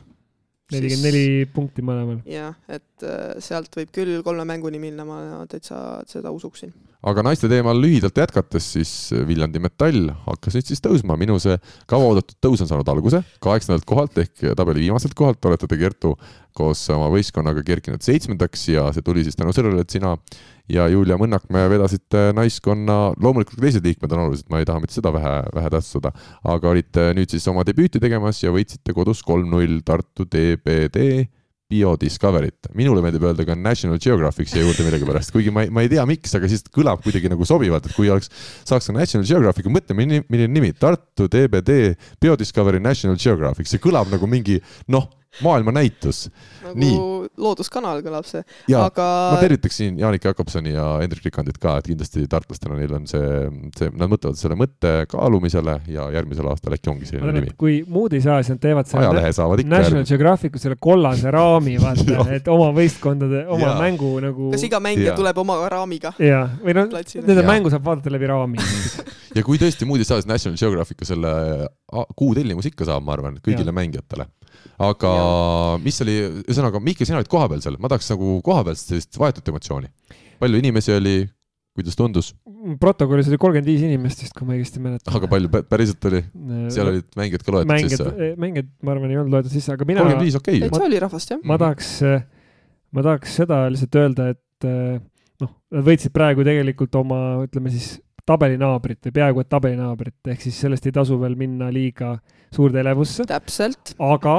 aga see aga... oli mulle viide. oota, oota, ma vahepeal ütlen vahele, et noh, kuna siin kirjutati juba, et me oleme kulla pretendendid. mina kirjutasin täitsa ausalt, tunnistan üles. mina kohe ka ütlesin, et oot-oot-oot, samal ajal mul tule, saate ajal tuli mulle ka sõnum Julia Muinakmäelt, kes ütles ka, et äh, mis ütleme siis kuradi kulla pretendendid, püha jumal olid jaa, no tervitame Julli siit muidugi mina lihtsalt seda mängu vaadates tulin nagu, esimene asi oli see, et lihtsalt äh, Mõnnakmäe ja Kertu tase on väga-väga-väga hea ja neid oli väga-väga hea mängimas näha, et äh, siin ei olegi nagu rohkem midagi öelda, et need vägad siin hea ees ei ole ilmaasjata öeldud, et tõesti seda, noh, ma ei tea, mängu voolamist, pallipuuteid, äh, löögitugevust, noh, võtame kasvõi Kertu servi, et see serv on noh, lihtsalt selline. kaheksa ässa, Kertu, sa ja, ei hoia ka neid on, äh, vastaseid. ja, ja see nagu ässad ässadeks veel, aga need pallid, mis üles saadi, need olid ka nagu sellised, et noh, lihtsalt kui ma toon võrdluseks äh, ma siin va vaatasin ühte, ühe, ühe, ühe, ühte teist siis naiste meistrivõistluste mängu, õigemini see oli Balti liiga mäng siin mõned päevad varem, siis oli ka üks, üks mängija, kes servib äh, väga, väga tublit hüppelt, aga tema serv on täpselt selline, et teda on väga lihtne vastu võtta, sest see, see noh, ta läheb täpselt sellise ilusa kaarega, ta kerib sulle sinna käte peale ja, ja nagu ta näeb välja nagu hästi selline võimas ja tugev, aga tegelikult noh, tal ei ole veel seda, ütleme ilmselt seda jõudu, seda kogemust, mis on Kertul, sest noh, Kertu serv ta keerab seal lõpus nii vastikult ja ta, pluss ta on nii tugev, et ta lihtsalt isegi kui sa saad oma käed sinna alla, siis, siis nagu puhtalt selle, selle jõu pealt juba on nagu väga-väga keeruline seda kõike teha ja noh, seda ma saan aru, et vastaseks oli Biodiscovery, kes on tabeli äh, nagu teises pooles, aga, aga noh, lihtsalt seda oli nagu hea näha, aga noh, tekkis ikkagi kohe seesama soov, et tahaks väga näha äh, Viljandit mängimas Tartu ja siis Tallinna Ülikooliga. me saame seda tegelikult juba veebruarikuu jooksul. me saame õige pea seda näha ja noh, need kuupäevad tuleb äh, korralikult kalendrisse niisuguse punasega märkida, sest noh, siis näeb ära selle reaalse taseme vahe, sest et noh, ka selles mängus oli ju äh, siis Biodiscovery ja Viljandi Metalli vahel oli hetki, kus Biodiscovery sai täitsa mängus sisse ja mis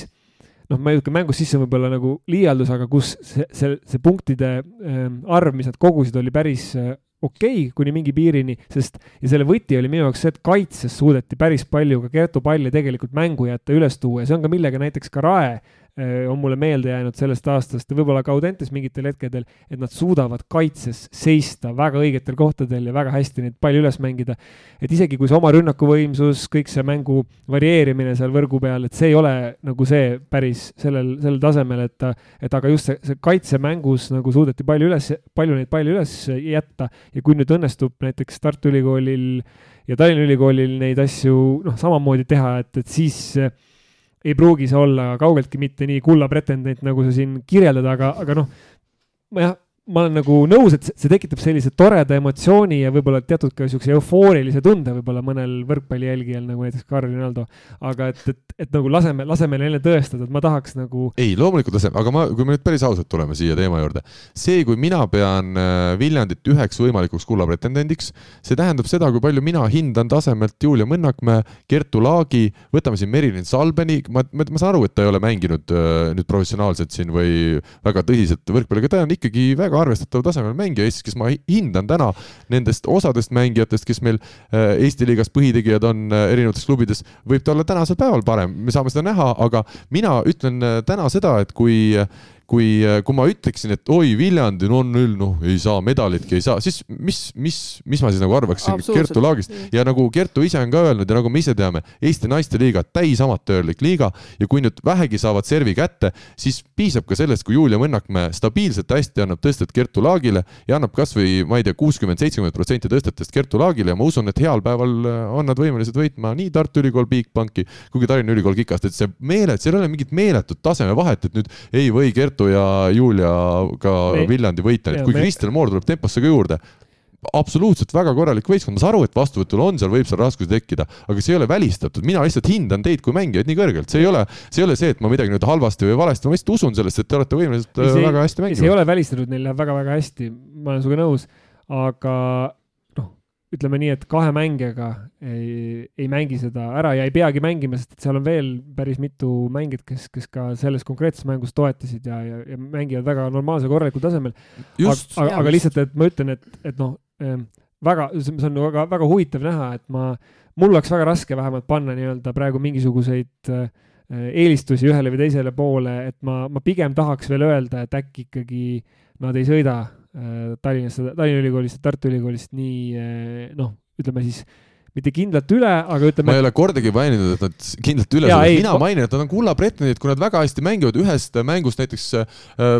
väga lihtsalt, ma arvan, natukene Tartul midagi ei klapi teel, nad ei ole nii üliprofessionaalsed võistkonnad, kes nüüd nii hästi ja stabiilselt mängivad. kui, kui Viljandi saab oma mängu käima, siis ma usun, et nad võivad mõlemad väga vabalt võita ja võivad ka lõpuks tulla Eesti meistriks, kui neil hästi läheb äh, see hooaja lõpp, et äh, minu, mina pean neid kulla pretendentideks. jaa,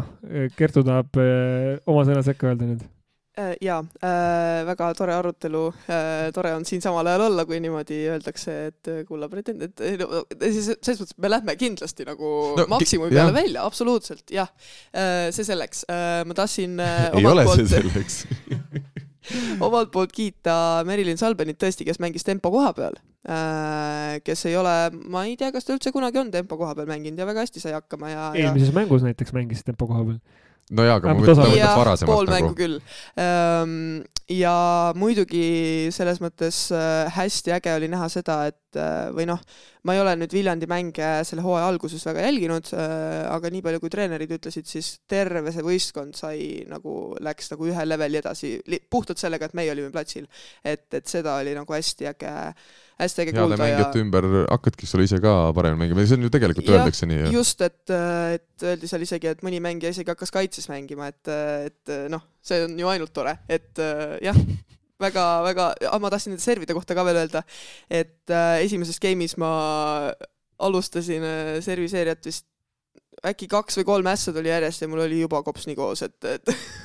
sellepärast mul oligi see, et ma kõik need serviseeriad lõpetasin oma veaga, et ma lihtsalt ei jaksanud enam üle lüüa. Kertu toob kolmkümmend punkti kolmegeemilise mänguga, efektiivsusnäitaja pluss kakskümmend neli ja tal on veel äh, ruumi äh,, ruumi nii-öelda füüsiliselt ja mängust paremaks minna. no muidugi on ruumi, kui ma löön kaheksa ässa ja viis viga, sest noh, servi efektiivsus tegelikult no pluss kolm, noh. pluss kolm on hea, Kertu no no on hea enam-vähem Harju keskmine. veel kord, et palju neid äh, palle sealt nagu, selliseid mängu oli, et äh, Tartu mängis need lihtsalt üle teisele poole võrku ja sealt oli võimalik kohe rünnata. aga miks ma siin vahepeal naersin siin Karl, Karli jutu peale, oli see, et ma sain nüüd teada, kuidas ta seal äh, rannavõrkpallis sinna poolfinaali jõudis, et ta sai ühe hea paarilise endale, siis see tase tõusis, et ta nagu. aga nii ongi, sealt mul tuligi see võrdlus, noh saalis on samamoodi, aga noh, saali võrkpalli ma olen vähem mänginud, Mihkel praegu täiesti lõputult naerab seal mikrofoni kuskil kaugustes, aga, aga nii on, noh, rannavõrkpallis on, ma saangi aru, et kahekesi mängides sul on eriti see, aga, aga see tuleb kuidagi nii, sest sul tuleb palju rohkem õnnestumist tuleb teiselt, sul endal hakkavad ka, sest sul on,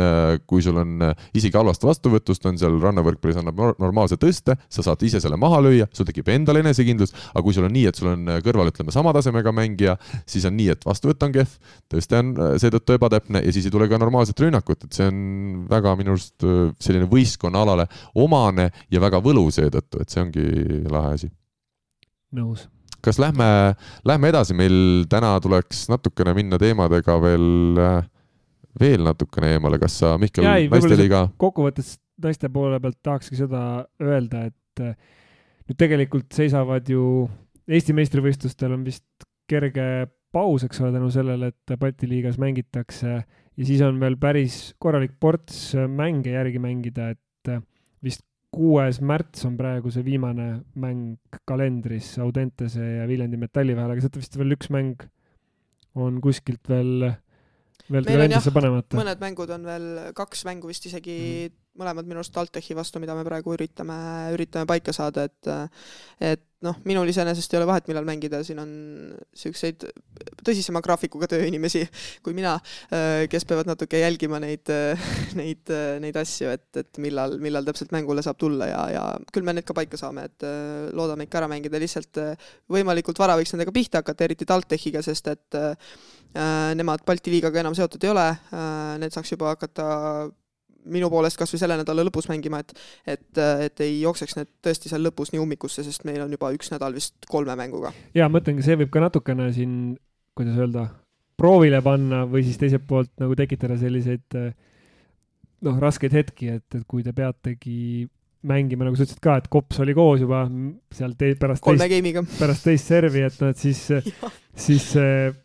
see võib ka hakata nagu mõjuma lihtsalt taseme mõttes, et kuna teil on ikkagi iga punkt arvel, teil on vaja nagu tõusta seal tabelis võimalikult kõrgele selleks, et saada endale parim asetus, kõigepealt, et saada üldse eh, siis play-off mängudele ja siis saada endale parim asetus aga liigume nüüd siis saate lõpetuseks veel meistrite liiga juurde ja meil on taas rõõm öelda, et järjekordne Eesti võrkpallur maailma kõige tugevamas võrkpallisarjas on oma debüüdi teinud äh, siis põhikoosseisus. Märt Tammerust käib jutt, meie noor lootustandev ja ka väga töökas nurgaründaja. Röösela Reknak, äh, tegelikult see mäng ise oli ikkagi väga selline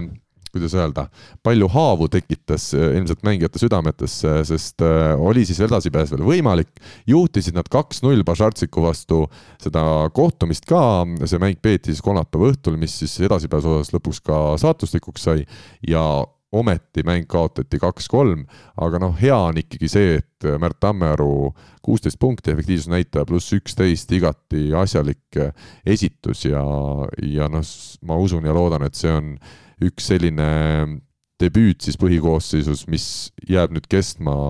aastateks, et Märt Tammearul loodetavasti tervis peab vastu ja, ja õnnestuvad ka klubivalikud, et tema võiks olla mees, kes Eesti võrkpalli meistrite liigas hoiab suures pildis kümmekond aastat kindlasti veel. ja ta saab kindlasti nüüd väga palju mänguaega ka, sest äh,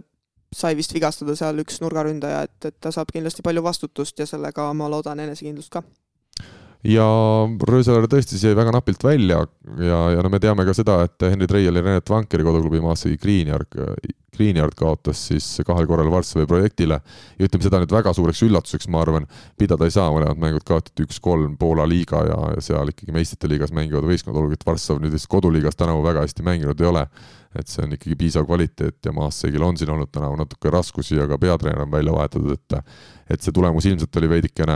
oodatud ja kolmas mees või ütleme siis neljas mees meistrite liigas, Andri Aganits ja Friedrich Schaffen kaotasid Jašembiale taas Poolast siis üks-kolm, aga see oli juba enne teada, et Andri Aganits ja, ja Friedrich Schaffen edasi ei pääse samamoodi nagu ka Maassegi Greenyard, nii et kahjuks veerandfinaalis siis sel korral ühtegi eestlast me ei näe küll aga Eesti rahvusmeeskonna endine peatreener Cedric Canard ja Berliin viiest mängus viis võitu, siin täna õhtul on veel viimased, viimase vooru kohtumised osades äh, gruppides toimumas, neljapäeval, mil me seda saadet lindistame, aga kõik on selge, kaheksa veerandfinalisti on selged ja Cedric Enart ja Berliin ikkagi jõudsid sinna. jälgisin ka natukene seda mängu Peterburi seniidiga, Toomas Sammeloo siis seal juhendaja ja samuti mitmeid nimekaid mängijaid. Ja seal oli neljanda game'i vist äh, lõpuosa, kus täiesti uskumatu serviseeria tuli Šoti nimeliselt äh, mängumehelt Saksamaalt, tuli vist servima, kas oli kuusteist, kakskümmend seis ja kakskümmend kolm. jah, kuusteist, kakskümmend oli jah. jah, viisteist, kakskümmend seisul sai siis Berliin ühe punkti, siis ta läks servima ja kuusteist, kakskümmend seisult kuni kakskümmend kolm, kakskümmend seisuni siis ja sellega oli game tehtud ja Berliin tuligi raskest seisust välja, õnnestus viigistada kaks-kaks ja siis juba viiendas game'is oli Berliin parem viisteist, kaksteist ja. jah, et seniit oli tegelikult kaks-null ees minu meelest game idega, kolmanda veel kaotas kakskümmend seitse, kakskümmend viis Äh, ja siis neljandat oli võitmas, aga ei võtnud seda ära. et äh, väga selline dramaatiline värk, jah. aga ometi siis ka Peterburi seniit ja Toomas Sammelu ikkagi edasi said, äh, kuna kolm paremat teise koha võistkonda samuti viisid siis või pääsesid edasi veerandfinaali, olgu siis võistkonnad ette loetud ka. Perugia, Jašembia, Moskva Dünamo, Civitanova Lube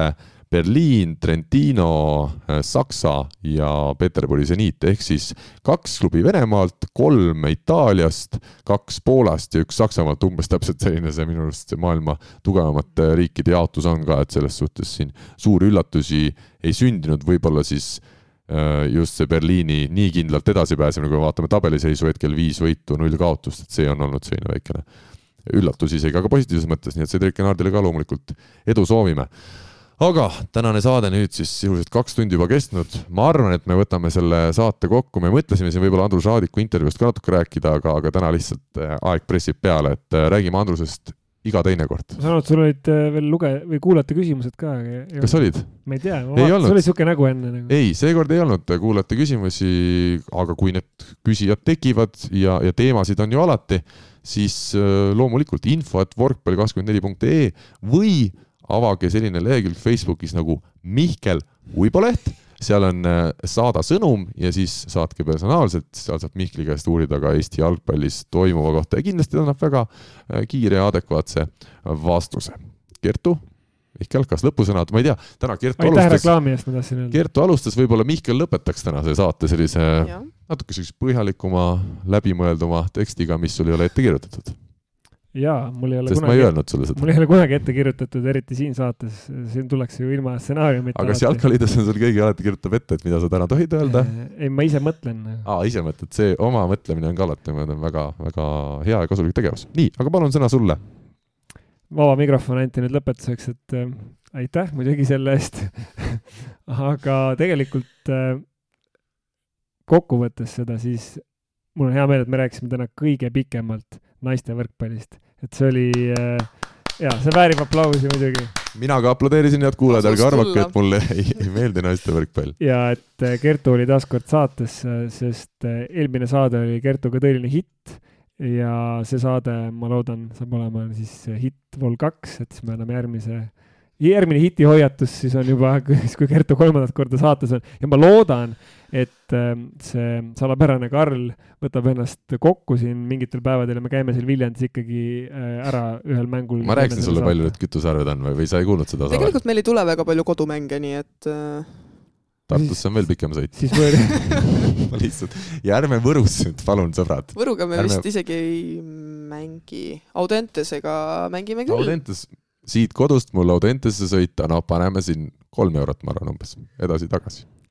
odavam kui ühesõnaga, teeme petitsiooni, kütuse hind odavamaks Carrinaldole ja siis läheb kogu elu ilusamaks. kogu riigis võiks olla, aga mis, mina pole mingi eriline inimene. no ma ei tea, mulle tundub, et praegu see kõige suurem hädaline on siin nagu laua taga, et teised saavad oma asjad tehtud, aga noh, siin ikkagi jah. kuidas sa ütlesid, et äh, loll on see, kes ei leia põhjust? vabandust, vabandust, vabandust